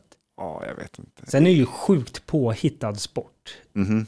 Ja, det är ju inte konstigt, Rocket League i sig, det finns ju inte... Nej, men det känns mer naturligt på med bilar och boll, bollar liksom. Så där, Ja, det, ja, det finns säkert någon form av bilfotboll eh, någonstans i Texas, bara för att jag nu ska säga att det finns ju inte heller på riktigt. Men, Mm. men det är ändå lite mer fötterna eller hjulen på, på, på jorden. ja, ja, man flyger omkring som hela superhjälte där också nästan. Ja, jo, i och Rocket för sig, ja, ja, vissa av de här målen de får till alltså i Rocket League. Ja, Wow. Nej, jag, jag ser inte att det här kommer bli någon hit. Det känns som att de bara cash grabbar bara för att folk vill ha någonting med quidditch. Och sen så, ja, här har ni, varsågod. Eller hur? Ja, men då kanske en roligare nyhet är att Sega, eller Sega Sammy, som de faktiskt heter. Va? Jag var tvungen att googla där också, liksom, för det stod i så pressmeddelandet att Sega Sammy köper finska Rovio. Mm. Jag bara, okej, vad Sega har jag hört talas om, men vad fan är Sammy för något? Det var en, en ihopslagning 2004 mellan Sega, som då liksom tillverkade och ägde rättigheter för, för spel, Mm. eh, och Sammy som eh, också gjorde det, fast de ägde mer så arkadspel och hårdvara och så vidare Mm. i eh, lite mer fysiskt. Sega efter Dreamcast har de väl inte gjort en hårdvara va? Mm, nej, nej, det tror jag inte. Nej, jag tror att det var deras sista, sista försök. Ja. Sammy, ja, de bygger mer saker, både mjukvara och hårdvara till arkadhallar. Okej, Eh, De har nu köpt Rovio för 706 miljoner euro, vilket Mm. är ganska exakt med dagens kurs 8 miljarder svenska kronor. Och Rovio, sjuka summor. ja verkligen, Rovio är ju eh, de som har gjort Angry Birds. Ja, det enda de har gjort, eller? Ja, i princip. Fast det är en riktigt stor IP för det finns mycket inom Angry Birds. Då. Ja, verkligen. Det Sega sa var att man vill komma åt eh, Rovios eh, vad ska man säga, långa erfarenhet av eh, mobila servicespel. Mhm. Vi gör ett, en high five här, eller? Ja. För vi vill verkligen att Klapp, klapp. ha fler sådana spel, va? Alltså jag, nej, jag, jag förstår inte. Konceptet att verkligen alla vill in på mobilvärlden. Jag förstår varför, pengar. Mm. Men jag förstår inte, passionen blir ju lite så här avskrapad. De vill bara tjäna pengar. Ja, alltså mobilmarknaden står för drygt 55 procent av marknaden idag. Mm. Så det är bara, det är bara att inse att ja, men det är klart att spelbolagen vill ha del av den kakan också. Ja. Sega, jag tycker att Sega är lite, eh, det är lite diffust vad de gör idag. Vad de ha, har för IPs och så vidare. Jo, alltså de har ju köpt upp en hel del större spel-IPs och sånt. Alltså, de, de äger ju en hel del respektabla IPs. Ja, Eh, Persona-serien, liksom Atlus eller vad de heter för någonting. Som, det. Alltså, det finns ju så mycket som man tänker så här, jaha, är det här Sega som äger de här? Ja, Jag tänkte ju mig själv att Sega är nog en, en, en aktör som kommer bli uppköpt av någon.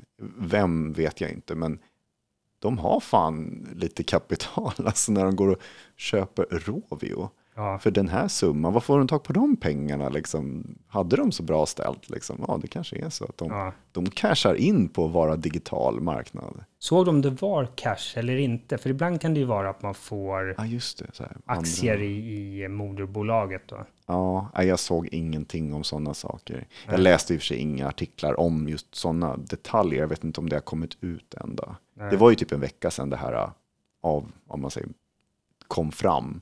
Sen Mm. har det blivit mer diskussioner under veckan och så. Det jag tyckte var intressant, för jag, jag, jag var faktiskt inne på typ Bloomberg och så och läste om det. Mm. Det är ju att Rovio, det har ju ryktats om uppköp ganska länge för dem, i, i ett par år. Eh, och tidigare har man pratat om runt en miljard euro, det vill säga mer pengar. Okej. Faktum är att de tackade nej till, jag tror det var ett israeliskt bolag och om jag minns det rätt så hette de typ så här Playtika eller något sånt där. Som också bara gör massa mobilspel. Mm. Eh, Sjukt generiska spel, men helt uppenbarligen så är det kassakor när man Mm. kan buda, jag tror att de budade 800 miljoner euro, Oj. men att Rovio tackade nej. Och det är där jag undrar, liksom, har Sega som betalar mindre, Mm. men att de har en, en i slutändan fläskigare deal. Och det är där jag tänker att de kanske, de kanske Rovios aktieägare, Mm. eller nuvarande ägare, jag vet inte riktigt hur det ser ut, att de får en, en liten del av Sega då istället och att man ser ett större värde i det Okej. än att få mer pengar från ett israeliskt bolag. Ja. Jag vet inte riktigt vad eh, Rovio har för makt idag på marknaden. Alltså det är inte så att jag hört talas om dem hela tiden. Det är liksom visst, Angry Birds finns med i både som nästan film och, och, och spel på olika sätt. Ja. Har de ens gjort ett konsolspel? Jag vet inte riktigt. jag vet inte Har de gjort faktiskt. här kartspel kanske? Jag vet inte. Nej. Eh, nej, men jag vet inte om de var på nedgång eller om de liksom har de något momentum överhuvudtaget. Ville de bli sålda? Ja, alltså vi pratade om det här du och jag på telefon igår, bara lite grann, när, vi skulle spika vad vi skulle prata om och så. Ja, finns det något, vi diskuterar alltid så här, finns det något värde att prata om det här? Men Angry Birds är ju för mig, det var ju någon form av startskott för mobilspel. Mm. Jag kommer ihåg när App Store kom och det började sälja spel där. Så var ju standard att spelen kostade 7 kronor. Mm. Och då kommer jag ihåg just det, här, man fick ett helt Angry Birds-spel. Du kunde spela det i 20 timmar. Ja. Eh, skjuta iväg de här fåglarna och döda grisar med svenska flaggor eller vad det nu var. Ja. Eh, det kunde du få för 7 spänn. Och samtidigt försökte Nintendo kränga eh, sina 3DS-spel för 600-700 kronor. ja. Så fullprisspel verkligen. Och jag kommer ihåg att jag bara tänkte, hur i hela friden ska Nintendo överleva Mm. När vi får spel på App Store för 7 spänn? Mm. De vill ha liksom 100 gånger så mycket pengar för sina spel. Ja. Nu med, med lite perspektiv på, på de tankarna så kan man ju säga att Nintendo har ju överlevt med, med råge. Oh, ja. Men Angry Birds, det kändes lite grann som en fluga. För på något sätt, jag tycker varken för dig och mig känns de aktuella, men inte heller om jag kollar på mina barn, de, de vet knappt vad Angry Birds är för någonting idag. Nej. Och jag minns att det, det kom ju så här gosedjur, de började sälja godis och de skulle öppna någon temapark, alltså typ en Disney World fast med Angry Birds-tema. Okej, ja. Så det kändes som att de- var på G där ett tag, men jag tror allt sånt där har dött av. Sen säger Sega också det att det man vill komma åt utöver IPerna är ju den här tekniska plattformen som heter Beacon. Mhm. Så det känns ju som att Sega håller på och rustar för att bli starkare på den mobila sidan och här tar en liten genväg då, lite det Microsoft gör med Activision. Ja, med King, King eh, om man säger hela företaget. Ja, exakt. Jo, men vad, vad, sa han inte det, Phil Spencer liksom? Alltså, sl- sluta prata Call of Duty. Ja. Det är ju King, King det vi är King åt. som vi vill åt. Ja. Vi hade lite smått och gott under veckan också och jag minns, vet inte om du minns Lawbreaker, men det var ju ett spel, en ar- arena-shooter från eh, studion som Gl- Cliffy B, Cliff förbi. Bleszinski. Ja. Han gjorde väl Gears of War bland annat. ja, jo, han lämnade ju den studion om man säger och gick vidare till att göra egna saker. Ja. Ja, just det. Och då var den här Lawbreaker. Eh, Mm. Det, ja, en arena-shooter som sagt. Det släpptes 2017 och fick ganska bra betyg. Jag kommer ihåg så väl, liksom, att folk tyckte att det var bra. Jag tyckte det såg skitnice ut, men hade ingen spelarbas alls. Nej, det lades ju ner efter ett år bara. Ja. Och det var exklusivt va? Det var på PS5, eller Playstation-konsolen. Just Det det. Liksom, ja, alltså konsolexklusivt. Jag vet inte om det var PC också. Ja, bra, Ja. snillen spekulerar. Boom. Men det blir lite så här, jag tänkte på Titanfall. Var Mm. inte det också så här exklusivt spel? Ja, ettan kom väl bara på eh, Xbox. Xbox, ja. Ja. Så, och det var ju också så här tokhyllat när det kom. Men Ja, tvåan blev ju superhyllat också. Ja. Men det släpptes ju mellan, vad var det, Battlefield 1 eller någonting och Call of Duty. just det. Och då bara trycktes bort ur marknadsföringen, jag vet inte. Det som hände här nu var ju att Cliffy B, dels under de senaste veckorna så har det ju ryktats lite grann om kommer det hända något nytt med Lawbreakers? Sen vet Mm. jag inte om man ska damma av det gamla eller om man skulle göra en ny version och så vidare. Jag kommer inte ihåg riktigt vad de här ryktena sa. Mm. Men det var att Cliffy B, han twittrade ut här under veckan och sa att big news next week. Ja. Så vi får se om det är någonting med Lawbreakers eller inte. Det var väl lite om vem har rättigheterna, vem äger rättigheterna? Och det var väl lite där det började att spekulera. Ah, Jaha, okej. mm, det är de som, ja, så nu ska de börja jobba på det. Kanske att det kan komma över till Xbox också. Då, som sagt. Ja, ja vi får se. Ett spel som eh, släpptes på Early Access under veckan här var just Disney Speedstorm. Och det är ju Mario Kart-klon. Har du sett det här? Alltså, jag har inte tittat på det här någonting. Nej, du har inte det? För du såg väldigt förvånad ut när jag nämnde det. Ja, nej, jag har faktiskt inte lagt märke Ja, men det är eh, en Mario Kart-kopia, fast med massa Disney-karaktärer. Ja, Och alltså det ser helt vansinnigt snyggt ut. det är så. Otroligt snyggt. Men det ser också väldigt tomt ut. Eh, Okej. Mario Kart har ju en charm och det sådär fina spelvärldar och upp och ner i vatten och luft och så vidare. Mm. men här, eh, jag har inte spelat det själv, men jag kollar, jag kollar bland annat när FZ spelar på en livestream och kollar lite på Twitch på det också. Mm. Ser väldigt generiskt ut. Ja, det är så. Ja. Det, det jag tycker är lite intressant är ett free to play-spel och de kommer ju från de här superhemska Gameloft. Ja, Det är ju free to play Nummer spel på mobil. Ja. Alltså vilket spel du än spelar så bara Gameloft. Mhm. Det, det jag tycker är superintressant är att det kommer vara ett free to play-spel när det släpps. Mm. Men nu i early access, då kostar det 30 dollar What? att spela. Jag, jag har faktiskt inte hört om det tidigare. Det har säkert hänt, men Ja, men det brukar hända att man köper liksom man köper in sig på, vad är det, typ så här Founders Edition eller någonting sådär så man får vara med och testa spelen i början. ja. Och sen när det släpps då är det free to play, men då har du hunnit bygga upp dig. Ja, det finns andra spel som har gjort det. Ja, det finns mycket spel. ah, okej. Jag blev lite förvånad. Nu skulle man få en massa saker för de här pengarna också som du sen fick behålla när spelet släpptes också. Mm. Men vi får se. De, det ser ut som att de kommer behöva fylla det med massa innehåll för att det ska vara ja, någonting värt att ladda ner Ja. och spela. Ja, vi får se. Kan hålla ögonen öppna. Sony köper, eller har köpt studion Firewalk Studios. Mm. Det här är en studio som har funnits i typ fem år, Mm. men man har fortfarande inte släppt något spel. Nej, men det tar ju tid att bygga spel idag. Ja, men fem år. Men dä- däremot så är det, det är ju tydligt att Sony gillar vad de ser. För dels har de skrivit ett exklusivt partnerskapsavtal, Mm. eh, vilket jag tror är att det innebär att deras spel de jobbar på kommer bli Sony exklusivt när det släpps. Mm. Men nu, eh, nu gillar de tydligen så mycket det här kommande, ej publicerade spelet ännu, eh, så att man köper studion. Ja. bakom det. Ja, men det är, alltså, de jobbar ju mycket så här. Det är så här, vänta, vad har Haven gjort tidigare? Ingenting. Ja, vi köper dem, boom. De har ju någonting att visa upp. De Ja. har ju, om man säger, det här är veteraner som kommer från så här Bungie och alltså Free for Free. Ja, men det är mycket så klassiska studios som har gått, de har lämnat dem och skapat den här studion då. Ja. Och börja bygga ett multiplayer-spel. För det här kommer ju bli Sonys, om man säger push mot service-spel, live service-spel. Ja. De har ju ett antal utvecklare som sitter och bygger, kan man säga Call of Duty-utmanaren? ja, just det. Nej, men det så här, Destiny och Division, all- alla de här live service-spelen som, som finns egentligen idag som frodas och som de vill in på den marknaden och hitta en egen nisch.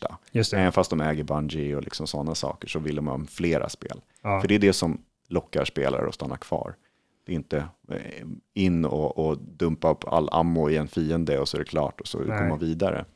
Och det är just det, här, eh, intressant att du sa multiplayer-spel, för det är det Sony sa i den här pressreleasen var att eh, Firewalk Studios, de utvecklar multiplayer-spel som sammankopplar spelare på nya och innovativa sätt.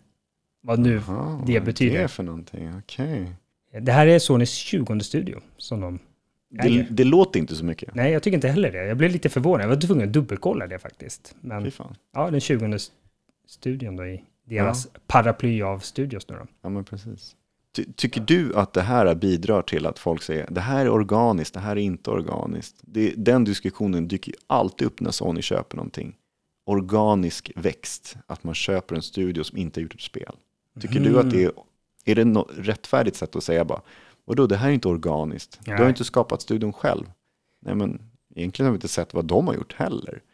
Jag följer ju faktiskt svenska Embracer ganska slaviskt och deras eh, rapporter och sånt där. Jag äger Mm. inga aktier faktiskt. Men eh, jag, tycker det, jag tycker det är så intressant att ett av världens största spelbolag, eller vad man ska kalla dem, Ja, att de är svenska. ja. Och då pratar de, de, i och med att de har den här aggressiva eh, strategin med att de köper upp en himla massa studios, så, så särredovisar de ofta liksom, så, men vi har höjt våra intäkter så här, Mm. och sen nämner de alltid, och det gör ju, gör ju nästan alla bolag också, men just i och med att jag följer Embracer så noggrant, Mm. så särskiljer de på liksom vad är, okej vi har höjt intäkterna så här, men hur mycket har varit organiskt? Det vill säga Ja. om man plockar bort alla förvärv och, Okej, och ja. sådär, vad har den faktiska, liksom, om vi inte hade gjort det, vad, hur, hur mycket eller lite hade vi vuxit då? Ja. Och då skulle jag säga, om Sony säger, för det har inte jag hört, men om Sony säger att det där är organisk tillväxt så skulle jag säga att det är eh, bullshit. Mm. ja, det är ju inte de som går ut med det. Det är Nej. ju om man säger Sony Ponies och Xbotar som håller på att fightas fram och tillbaka. Liksom. Det är klart, det är deras argument hela tiden. Ja. Nej men det är ju, det är ju raka motsatsen, jag säga. ja, ja, ja men gud. Organiskt är att du anställer någon och så, Ja, men precis. Liksom, Jo. eller med samma personalstyrka. Egentligen så spelar det ingen roll om du köper Activision eller om du köper den här studion. Det är ju lika mycket att du köper en studio. Men ja, nu har ju de lite mer respektabla IP som man säger, Activision och så, än den här som inte har någonting. Så Ja. lite mer berättigat är det kanske att de köper någonting utan att veta egentligen vad de får, men de, de har ju sett själva såklart. Då. Ja, Men det, det känns mer som att det är alltid den där pushen mot så här, eh, ska du skapa någonting, då får du starta studion själv. Ja. Annars blir det bara bajs, Ja. drama. Eh, Humanity, Mm. det kommer att släppas på Playstation Plus Extra och Premium eh, den 16 maj. Mm. Eh, där fick vi se på State of Play Ja. eh, tidigare i år. Eh, och eh, ja, men du sa det, det påminner lite om, om Lemmings. ja, det var jag som tänkte så i alla fall. Sen börjar man titta vad alla andra jämför med. Det var så här massa andra coola IP som jag har ingen aning om vad det är. Nej. Ja, alltså hur fasiken beskriver man det? Man, det är massa människor som du ska leda. Ja, du är som en, en, en hund. Ja. som leder en massa människor i olika Som går riktningar. rakt fram liksom. Ja, ja, men du ska ju sätta liksom barriärer och olika hinder så att de går. De, de går ju bara rakt fram. Ja, Och de hoppar och shit och jag vet inte vad det är. Men det är ett pusselspel. ja, Med 90 olika nivåer, eller mer än 90 olika nivåer. Och Just det. massa bossar och allting. Det, alltså det lät ju bättre än vad det kanske är, men eftersom det ingår i Playstation Plus-tjänst och Premium så kan det vara värt att testa liksom så här. Det är ju ett indiespel såklart. ja, Det kommer ju också släppas på, på PC och det var ju VR-kompatibelt också. just det. Så VR1 och VR2 på Playstation och sen, vad är det på PC då? Det är Det PC. var typ Oculus och så. Ja, men typ. något annat. Ja. Så det kan ju vara lite spännande att se hur det kommer implementeras och så. De har ju inte börjat snacka om allting än, utan de sa vi kommer snacka om det här framöver. Då. Just det. Ehm, Men ehm, det är day one så släpps det på, på, på extra och så. Då. Men eh, det kommer ju vara på flera plattformar antar jag. Jag tänkte inte på om de begränsade sig. Eller om det bara var Playstation på konsol och så. Nej, jag är lite osäker, men någonstans, i och med att det visades på State of Play, så känns det som ett spel som... Som, Som är exklusivt. Ja, men, men som Sony också på något sätt eh, går i god för att det här är ett bra spel. Alltså jag, jag fick direkt den känslan, så här, okej, Sony visar upp det. Ja. Då, då måste de ha testat det och tyckt att det är bra. ja Dessutom har de köpt in det till, Ja, till, sin, till, till, till sina kunder då. Ja. Jo, men jag är intresserad av att testa. Jag älskar pusselspel. Ja, Även fast de är så här konstiga som det här verkar vara. ja, vi får se. Eh, the Lord of the Rings Gollum, jag, jag minns inte när det skulle släppas nu faktiskt. Men, eh, Det var väl i maj här ja, någon gång? ja okej, så det, det är ganska snart här nu då. Ja, Eh, Men det har ju kommit ut lite previews på det som Mm. är allt annat än positiva. ja. Alltså i bästa fall så har det varit typ ett medelmåttigt spel. Mm. Nu så kommer man att släppa ett DLC. Är det direkt på day one eller? Eh, I princip så kan man köpa någon enhanced version av spelet Ah, så man får med den här delsen, men den kan också köpas separata. Men den hette väl så här, Sindri DLC, Ja, eh, eh, Sindarin förlåt, och det är ju språket som alverna pratar. ja. Så i princip så kan du köpa språket via en DLC som gör att spelet blir mera Sagan om ringen kompletta. Jättekonstigt koncept för jag tycker att det är det som syr ihop säcken av att det blir mera Sagan om ringen Ja. om de pratar det här språket. exakt. Så ja, det du säger egentligen är att spelet är ju på engelska. Ja, men några få kommentarer av det här språket. Ja, grundspelet. Ja, Men du kan göra det här lite mer immersive genom att köpa ett större version av spelet eller köpa till det som DLC. ja. Då du får eh, karaktärer som pratar det här, Sindarin. Mm. Det var lite coolt ändå att, eh, du, du sa det till mig, att de har hyrt in massa experter på Ja. det här språket och så. Ja, jag läste på FZ de har skrivit det här och, och det, det känns ju ändå som att visst, det är att gå lite längre än vad man behöver göra kanske. Men att de var experter och kunde det här språket, alltså vem fan kan ett sånt språk? Men jag, jag förstår ju, Sagan om ringen, lår-människor, de är så här, det är extrema, de, vissa kan alvspråket liksom. Ja. Men att tänka och prata med varandra så här, sitter vi i en podd så här. Eh, alltså, jag vet inte ens hur de pratar, men att kunna alla, alla orden, vad häftigt det borde låta. Eller, Man tänker bara att det är någonting som någon jidderspråk i, i, i filmen. ja. Men det finns ett äkta språk på det här. Alltså. Men hur har man, har man eh, översatt en miljon ord då till Det, alviska? det är väl tolken som har gjort det här. Men bara det, han har ju skrivit hur många böcker som helst Ja. och hittat på en massa saker. Han skrev väl ett eget språk? Alltså, bara är mitt sidoprojekt och så skriva ett nytt språk till den här s- serien om man säger böcker. och så bara boom. Ja, imponerande. För det har jag hört hela mitt liv. Ja, men Tolkien han har gjort ett eget språk. Liksom. Men Mm. hur mycket ett eget språk har han Jag gjort? tror han gjorde ett helt, alltså så man kan föra konversation om allting. Inte så att man kan säga eh, massa moderna ord, men du, du, du vet ju hur de pratar. Det är väldigt... Hur säger man Tesla-bil på alviska? Eh, nej, jag vågar inte ens spekulera. Vi får fråga någon AI-genererad version av det där tror jag. Ja, exakt. Men, Men- du, apropå på Tesla, så är det Elon Musk. Mm, vad har han ställt till med den här Får veckan? jag, får jag bara fråga, trodde du att Elon, eller tror du att Elon Musk har eh, skapat Tesla eller inte? Alltså för mig känns det bara som att han är ägare.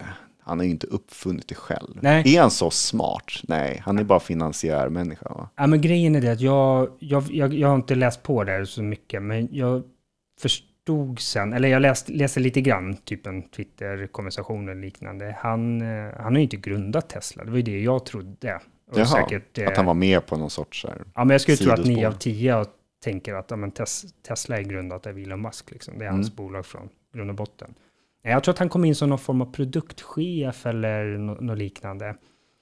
Och eh, ja, men sen liksom började köpa ut de andra och, och sen blev ägare och så. Han, Han, han, är, han är ju Mr Tesla. Ja, men han Absolut. är extremt bra på ekonomi. Ja. Eller tror man. Han, han, han wastar så mycket pengar senaste åren här. Alltså. Ja, men förmodligen väldigt bra på att sia om vad som, Ja. vad som ligger i ropet. Det, det, här, det här är lite så här Joakim von Anka-människorna. Han har en pengabinge som är, det är ett oändligt hål Fast han hade pengar. ju inte det från början. Nej, men det är det han jobbar med nu. Han, han försöker göra av med pengar känns det som. nästan. Ja, men vi, eh, vi försöker ju, eh, jag brukar säga att jag lägger örat mot rälsen, Ja. kollar av vad är det senaste som hänt i techvärlden. Mm. Och vanligtvis så brukar jag försöka hålla någon lite smalare grej. Förra veckan pratade jag om Flipper Zero. Mm. Hur kul är det att prata om, om saker som, som alla andra pratar om Ja. och skriver om? Utan det är roligt att komma med något nytt och eget. Men här var det väldigt svårt att inte nämna om eh, det som hände på Twitter. ja, eller med Twitter. Eh, den 20 april i torsdags så var det ju den stora dagen som, som vi alla väntar på, höll jag på att säga. Men det var den dagen då alla som har haft de här blåa verifieringsmärkena, eh, typ blue checkmarks eller vad de kallar det, Mm. eh, de som hade det med, i- med de gamla reglerna, det vill säga var du en kändis eller en offentlig Typ så här person. legacy-versioner eller något Ja, men sånt. exakt. För då fick, fick ju kändisar, offentliga personer, myndigheter, företag och så vidare. Sådana som, den kom ju till Mm. för att man skulle se skillnad på så här, riktiga Playstation eller ett låtsas Playstation-konto. Ja. Eh, Det, det måste man ha med sig i bagaget varför de kom till. Det Elon gjorde, han köpte ju eh, Twitter för nästan 500 miljarder kronor. Mm. Och han, bland det första han sa var att Nej, men det där systemet ska vi göra om. Han Mm. gillade inte alls det här med att men det är så här, peasants, Ja. de som inte har det liksom. Ja. Eh, Så att han startade ju någonting som heter Twitter Blue, vilket Mm. gör att du kan köpa den här blåa checkmarken Ja. för 8 dollar i månaden eller 84 dollar för ett år. Utan att liksom behöva verifiera dig som en kändis och så liknande, utan du och jag kan göra det. Eh, Mm. Jag tror vi fastnar i någon form av verifikationsprocess, liksom, men det är bara för att se till så att vi inte är något trollkonto eller Ja, vad det precis. kan vara. Nu, den 20 april, så de som inte har signat upp sig för Twitter Blue, Mm. de blev av med sina gamla märken. Mm. Och ah, alltså, jag har ju varit med lite eh, så på, på mina arbetsplatser och så vidare. Jag har ju varit med med så systembyten och så. Ja. Och jag vet att det, att det alltid blir problem. Ja. Och givetvis blev det så här att folk som har betalat för Twitter Blue, nej men de tappade också det för de hamnade i någon slags limbo. Och, ja, men precis. utan det som kanske har varit mest liksom, snackis är ju att Ja, men det var så. Jack Dorsey som skapade Twitter och var ägare. Mm. Han, det var, de var ju börsnoterade också tror jag. Så att han ägde ju inte till 100 procent. Mm. Eh, Jack Dorsey är ju eh, liberal. Ja. Vilket har återspeglats i hur Twitter har eh, liksom fungerat. Mm. Eh, och vad man har tillåtit, vilka regler och så vidare. Elon Musk, det skulle jag säga att han är typ konservativ. Det är väl det närmaste man kan, kan säga om han. Ja. Fast han spretar åt alla olika håll och kanter, men han är ju mer höger och Jack Dorsey var mer vänster. Okej. Vilket gör att det blir ju två olika Twitter efter det här köpet. Du har det liberala, eh, vänstervridna, liksom digitala eh, man säga, vattenhål som folk använder till att prata med varandra på. Och sen kommer Elon Musk som är eh, åt höger då. Mm. Och här blir det en liten clinch då Ja. mellan de olika politiska lägren. Mm. Och framförallt så är det ju en del så här vänstermänniskor, eh, användare på, på Twitter som har bara, "Nej, men jag tänker inte betala. Vilket har gjort att, ja men så här, LeBron James, eh, en av världens Mm. bästa basketspelare någonsin, eh, William Shatner, Ja. eh, gamla, eh, vem spelade han i Star Trek? Var det Ja, Det var ju Commander, eller Vad heter han? kapten. Kirk? Kirk. Ja, det var Ja, Kirk. Ja, ja. Jag, fam, fumlade lite efter vad, jag famlade efter Ja, ja, men det är var Kirk. klassiska. Man har nästan växt upp med dem, men man har glömt bort dem ändå. Så. Ja. ja, men de har varit så här, jag tänker inte betala för det här. Och, Nej. Sen kommer ju Elon, han är ju en liten retsticka också. Mm. Det, det, det spär ju på det här. Ja, Han är ja. otroligt... Varför tror du han valde det här datumet framför allt? Då? Ja, det vet jag inte. 420, det är så här jävla meme-datum liksom. 420. Ja. Är det det det är? Okej, jag såg 420, men jag, jag gjorde inte den kopplingen. Nej, Nej. men du, du visar ju sig att äh, LeBron James och William Shatner, de, de tappade ju inte sina... Nej, han ville ju pröjsa Ja, dem också. Så han gick in och pröjsade, eller jag vet inte om han pröjsade själv, eller om han, om han bara sa till dem på Twitter, låt dem där vara kvar liksom. Ja. Men, men utåt sett nej men jag vill att de fortfarande ska ha det här, så jag, jag har pröjsat det. Jag har startat en, en, en, en fond Jaha. som ska betala det. Så han, han, han är ju väldigt kontroversiell på det, på det där sättet att han, han gillar att reta upp. Mm. Har du följt med där? Han, han har ju haft en liten fight med, liksom, vad heter det? Ja, med SVT och BBC, vad kallar man det? Public service. Okej, ja. Eh, och det var någon stor, stor sån i Kanada också, där han liksom sa, satt en stämpel på de här på Twitter. Mm. Så efter SVT så stod det så här, publicy, public, public financed media eller något sånt där. Okej. Eh, eller state affiliated media. Mm. Så att de här, som jag tror var PBS i USA, vilket är deras motsvarighet till, till SVT, de fick ju också den här och bara skrev värsta långa utläggningen. Bara, Nej, vi är fristående, det är inte USA som bestämmer vad vi ska skriva om och sådär. Nej.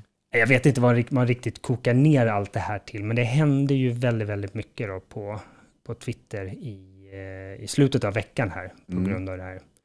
Och i spelvärlden så var det ju också ett par saker som, Ja, hände.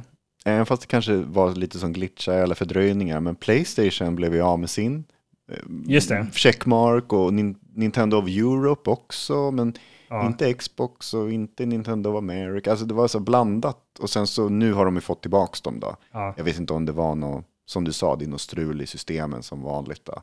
Men alla jag följer, alltså man har ju nästan bara haft blue checkmarks. ja. Det är typ, det är bara 10% som Ja. har det nu.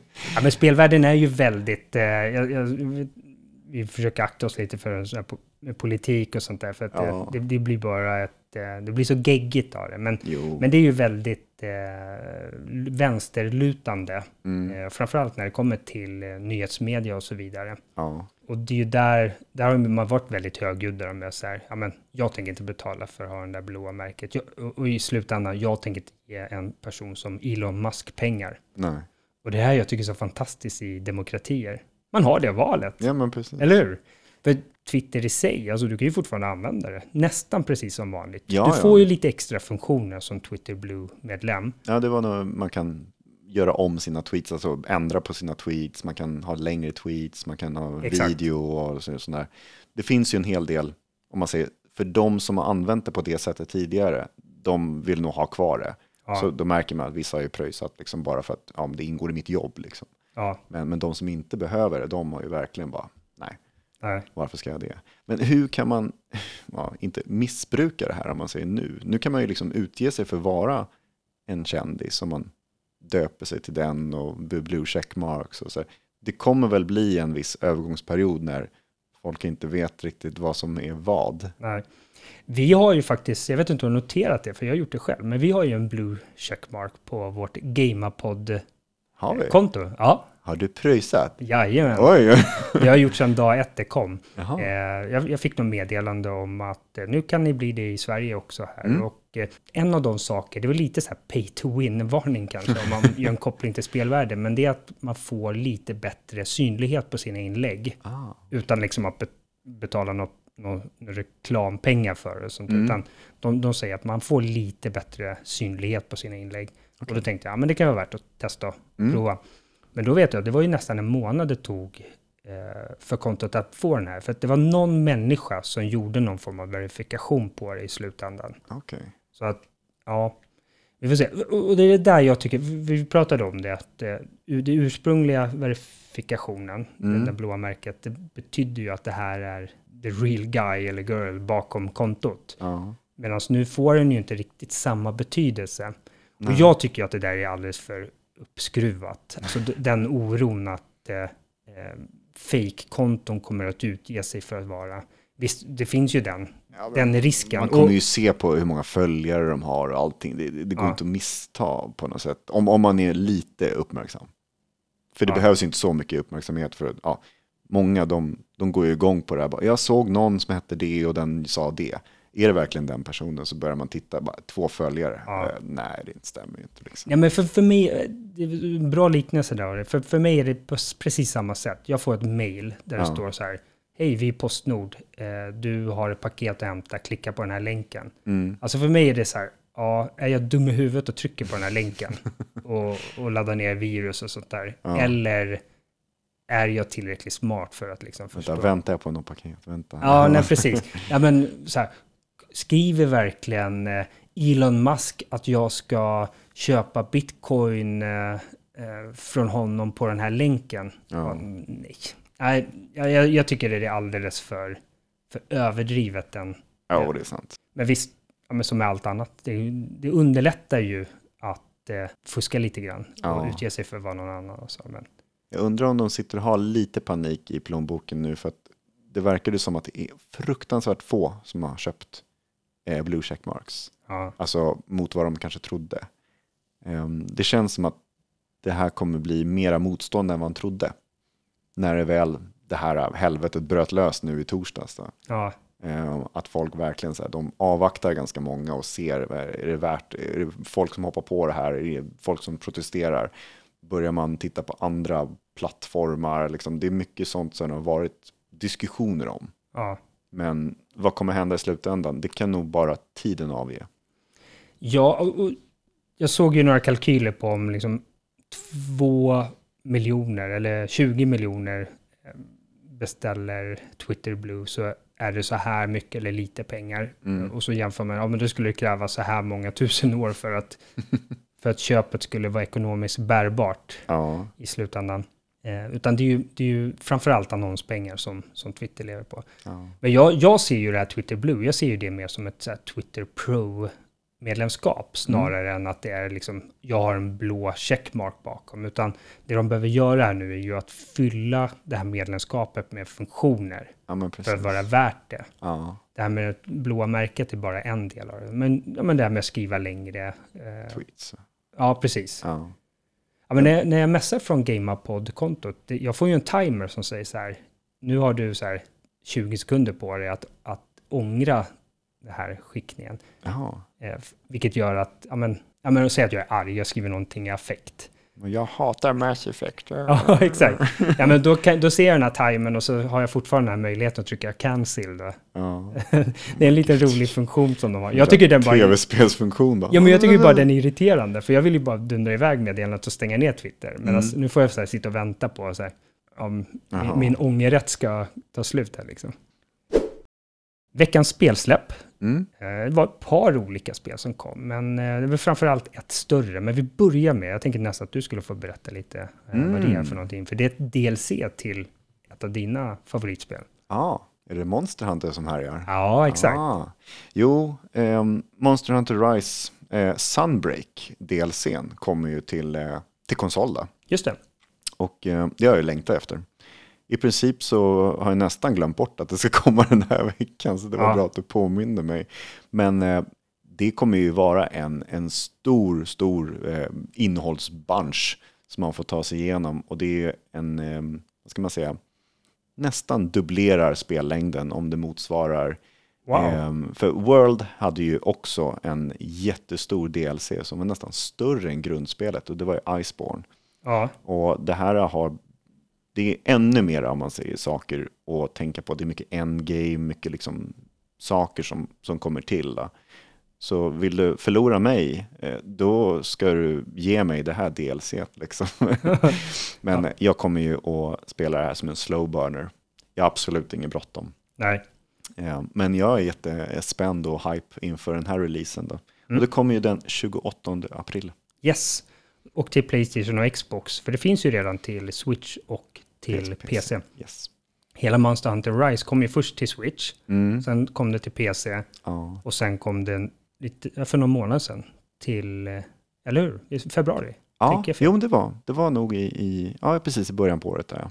Så kom det eh, till Playstation och Xbox också. Vilket gjort att det här Sunbreak har ju, det skulle ju i princip ha kunnat släppas samtidigt, för det har ju Ja. funnits eh, sedan juli tror jag, förra året. Ja, jo, alltså det, det är så fruktansvärt jobbigt när de håller på att ge oss en liten bit av kakan och så bara, Ja. men jag vill ha mer nu. Ja, du får vänta.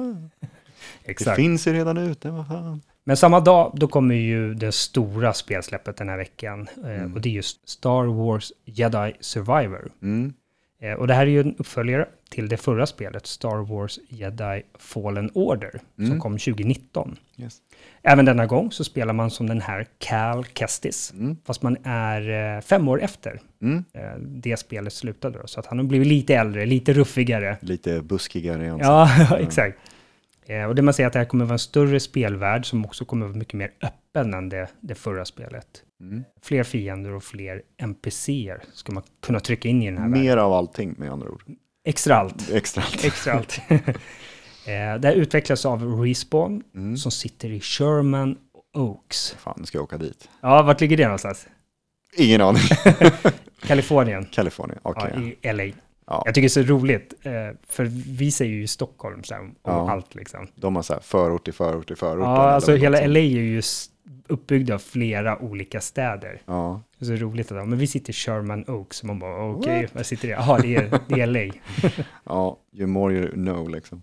Det här kommer vara det sista spelet eh, från EA under deras exklusivitetsperiod med eh, Lucasfilm. Ah, så Star Wars-kontraktet har gått ut eller? Ja, eller går, Eller ut, går ut någon nu. gång. Jag, jag såg inte riktigt när det var, men, Mm. men man sa att det här kommer vara det sista från EA under, under det kontraktet. Då. Ja. Så det är lite spännande.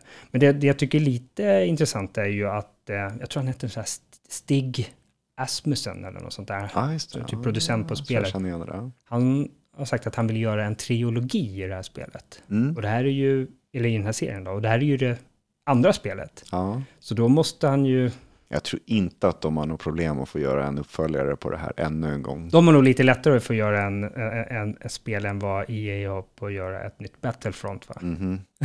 Ja. Det är lite olika för, förhandlingslägen där tror jag. Var det inte något rykte i veckan som att, att Battlefront 3 lades ner eller någonting sånt Ja. precis i slutfasen av utvecklingen? Nej. Ja, det, det var något så här jätteskumt, man bara, men herregud, händer det här så ofta liksom? Man, får inte reda på saker. Nej, Ja, bra fråga. Eh, det missade jag helt faktiskt. ja nej, det, var, det, det är nog ryktesgrejer, man vet inte om det är sant. Hoppas det. Hoppas inte det, om man säger så. Det här Star Wars Jedi Survivor då, det släpps till PC, PS5 och Xbox Series-konsolerna. Mm. Så även jag med ett Series S numera då, kommer kunna spela det. Men om jag spelar det så blir det på PS5 då förstås. Ja, Eh, vi pratade i, vad var det förra avsnittet, om att det här var ju gigantiskt stort eh, i eh, utrymme på, på PC och vi dividerade lite fram och tillbaka. Kommer man kunna krympa den här storleken ja. till... ja, vi sa väl det så här, vänta, kan man krympa ner 100 gig? Alltså till typ så här 60 gig fronten. Ja, Men det visade sig att nej, det gick inte. nej, vad var det? Nästan 160 gig på, på dator va? Ja, det var nog 155 eller något sånt där. Och, Ja, och nu bara 140 på Xbox och 147 eller någonting på, på Playstation 5. ja. Alltså det är ju sjukt. Vilken jävla storlekar på spel. Men det måste ju vara, det är bara, spel blir så här stora när de är större, de är hög kvalitet, eh, mycket assets liksom som ska visas upp. Alltså, ja nästan lite så här som fotorealism-grejen, att vi kommer få se högkvalitets-assets som tar mycket plats. Ja, Om det är nya boven liksom. Vi kommer att få ett spel per hårddisk som rymmer. Eller hur? Ja, vi får se. Jag har ju bara 512 på Sirius S där, så jag Ja, är lite den nyfiken. krymper fortare än vad man tror. Alltså. Ja, och så måste jag köpa ett sånt där instickskort för lika mycket pengar som den kostade. Men du, apropå Sirius S. Mm. Eh, den, den största överraskningen för mig, även om jag visste det, men Mm. hade glömt bort det, så var det det här med att den handkontrollen drivs ju av två eh, freestyle-batterier. Mm. Du, jag- du visste inte det? Nej, Nähä, Och det jag är fattade- Xbox eh, egna grej liksom. men jag fattade inte vad, vad det var som var. För jag kopplade in USB-C-kabeln Ja. in i den och då, stod, då kom det upp en sån här symbol att det laddar. Typ. Så jag bara, ja men bra. Så jag drog ut den efter två timmar. Sen bara, nej men det står Ja. fortfarande att jag har lågt batteri kvar. Ja. Så stoppade jag i USB-C. Så den, du kan spela med Med ka sladd. kabeln i Mm. eh, och eh, få ström på så sätt. Mm. Ja, men så det jag gjorde var att jag åkte till, eh, jag tror det var Kjell Company faktiskt, och köpte deras officiella batteripack för 300 spänn. Oh, Aldrig att jag sitter 300 spänn. Ja, men istället för att sitta och byta individuella Jaha, batterier okej. hela tiden. Och, Ja, det är sant. ja, det är ju så uppladdningsbart och så. här. Så att, Mm. ja, för 300 spänn ytterligare så fick jag samma funktionalitet som Playstation 5-kontrollen har redan. Ja, ja men det, det har varit deras lilla roliga grej på något sätt. Att det alltid varit batterier i deras kontroller. Ja, Och att man kan spela hur länge som helst på vissa dåtida kontroller. Jag vet inte hur det är med nya. Den har inte så mycket funktionalitet som en Nej. DualSense. Så att den håller ju fruktansvärt mycket, mycket längre om man säger så. just det. Får se vad du klockar in på för tider sen. Om du kan tajma så här. Ja, du exakt. spelat Nu har 18 jag ju- timmar liksom. Nu har jag ju slutat spela med, med lösa batterier, utan nu har jag har jag det här uppladdningsbara batterikittet. Ja, det. Liksom. Mm. Så att, ja, vi, vi får se. Men jag märker det, apropå de här skakningarna, som att det, det är inte alls samma skakförmåga som i Playstation 5. Nej. Den känns ju mycket mer, svårt att säga att den känns mycket mer precis, men Ja. på något sätt så känns det som att Xbox-kontrollen, den bara, nu ska jag vibrera, så bara, den vibrerar den, allt den har liksom. Ja, det Medans- är ingenting man behöver tajma in i, i, genom spelen, utan Nej. det är bara så här på, av, på, av. liksom Det känns så, ja, precis. Ja, vi får se. Jag, tänk, jag tänkte ta med Xboxen till dig, så ska du få testa, Mm. testa den någon gång. Ja, men vad väger den? Nej, inte alls mycket. Det är typ så här under ett kilo. Den, jag måste erkänna att den var lite större än vad jag trodde. Framförallt var den lite tjockare. Jag tycker alltid att man, får se den på sidan Mm. på, på bilder. Och jag tänkte att den skulle vara ja, men, typ som en bok. Men säg att den är två böcker hög. Två, liksom. okej. Ja, men två böcker är bra. Och blir sjukt varm också. Oj, Den här svarta hålet där. ah, Det blir väldigt, väldigt högtalaren. varmt. Men eh, knappt så att man hör fläkten faktiskt. Okej, Ja, men eh, jätteintressant att, att testa. Men jag ska ta med den till dig så ska du få, Mm. prova den lite grann. yes, yes. Jag har en kompis på, på min eh, eh, Xbox-spel, eller vad säger man, sån här friends list. Ja, Och jag hade 360 back in the days, Mm. eh, när GTA 4 kom tror jag, för det var mycket bättre på Xbox 360 än Playstation 3. mm. Så då köpte jag Xbox 360 bara för att få spela GTA 4 Oh, dess rätta SE på något Mm. sätt. Och då, alltså en, en, en av mina bästa vänner, en bekant till honom, han var, eh, han var typ Sverigechef på Xbox och han blev senare typ så här, så här chef för Xbox i hela Europa. Mm. Han är den som är min kompis på. Xbox. Så ganska, Tjena! ja exakt, tjena, läget? Ja. Det är roligt, han sitter och spelar väldigt mycket Forza och Fifa. Jaha. Det kanske är hans barn som gör det nu när jag tänker efter, men Ja. ja. ja, men det är lite kul. Slänga en- iväg ett hej, jag är medlem i familjen. Ja, exakt, precis. Eh, kan jag få lite provversioner Ja, tack? verkligen. All right, våra vänner. Eh, det här var det 25 avsnittet av Spelpodden Gamea. Mm. Eh, har du några avslutande ord? Nej, jag måste gå fan gå och lägga mig och vila. Ja, du har ju slitit så hårt i den här BRF-ställningen. alltså. Jag ska hem och spela Luigi's Mansion, men jag tyckte han sa någonting om att han ville köra Mario Party hellre. Så vi får se om det kanske blir lite Mario Party Jaha, ikväll. fan många spel ni spelar. Ja, han, han spelar Mario Party med, eh, ibland själv, eller oftast själv, men mycket med sin storasyster. Mm. Och det är ganska roligt. Det är, det är en massa part, småspel, så här partyspel bara. Ja, Men eh, kul så här en halvtimme. Sen, de är ju de är ju inte så här mest utvecklade spelen, utan nej. ja. Vi får se om det blir det. Har du tittat nu på Dead Island 2 här som? Nej, jag har lyssnat på lite recensioner och eh, sett lite recensioner på det. Mm. Jag har fått lite så här halv... Ja, eller Ja, halvljummet. Ja. ja. det vet, vänta på en rea eller något sånt där. Men jag är sugen på att spela tillsammans. Ah, för det okej. verkar ju ganska nice där. Ja, Vi får se om vi kan. får plocka upp det på en rea sen då. Ja. Nästa avsnitt, den kommer den första maj. Mm. Är det så här uh, röd dag va? Uh, det brukar vara det va? Ja. är det? Ja, Vi, vi gör ju inte någon skillnad på sånt du utan vi, ja, vi kör. vi Hardcore. kör hardcore. ja. eh, måndag den första maj kommer nästa avsnitt. Mm. Eh, fram tills dess så får vi hoppas att ni har en jättetrevlig eh, spelvecka då. Yes. Så hörs vi. Ja, ha det det bra. Ciao. Hej!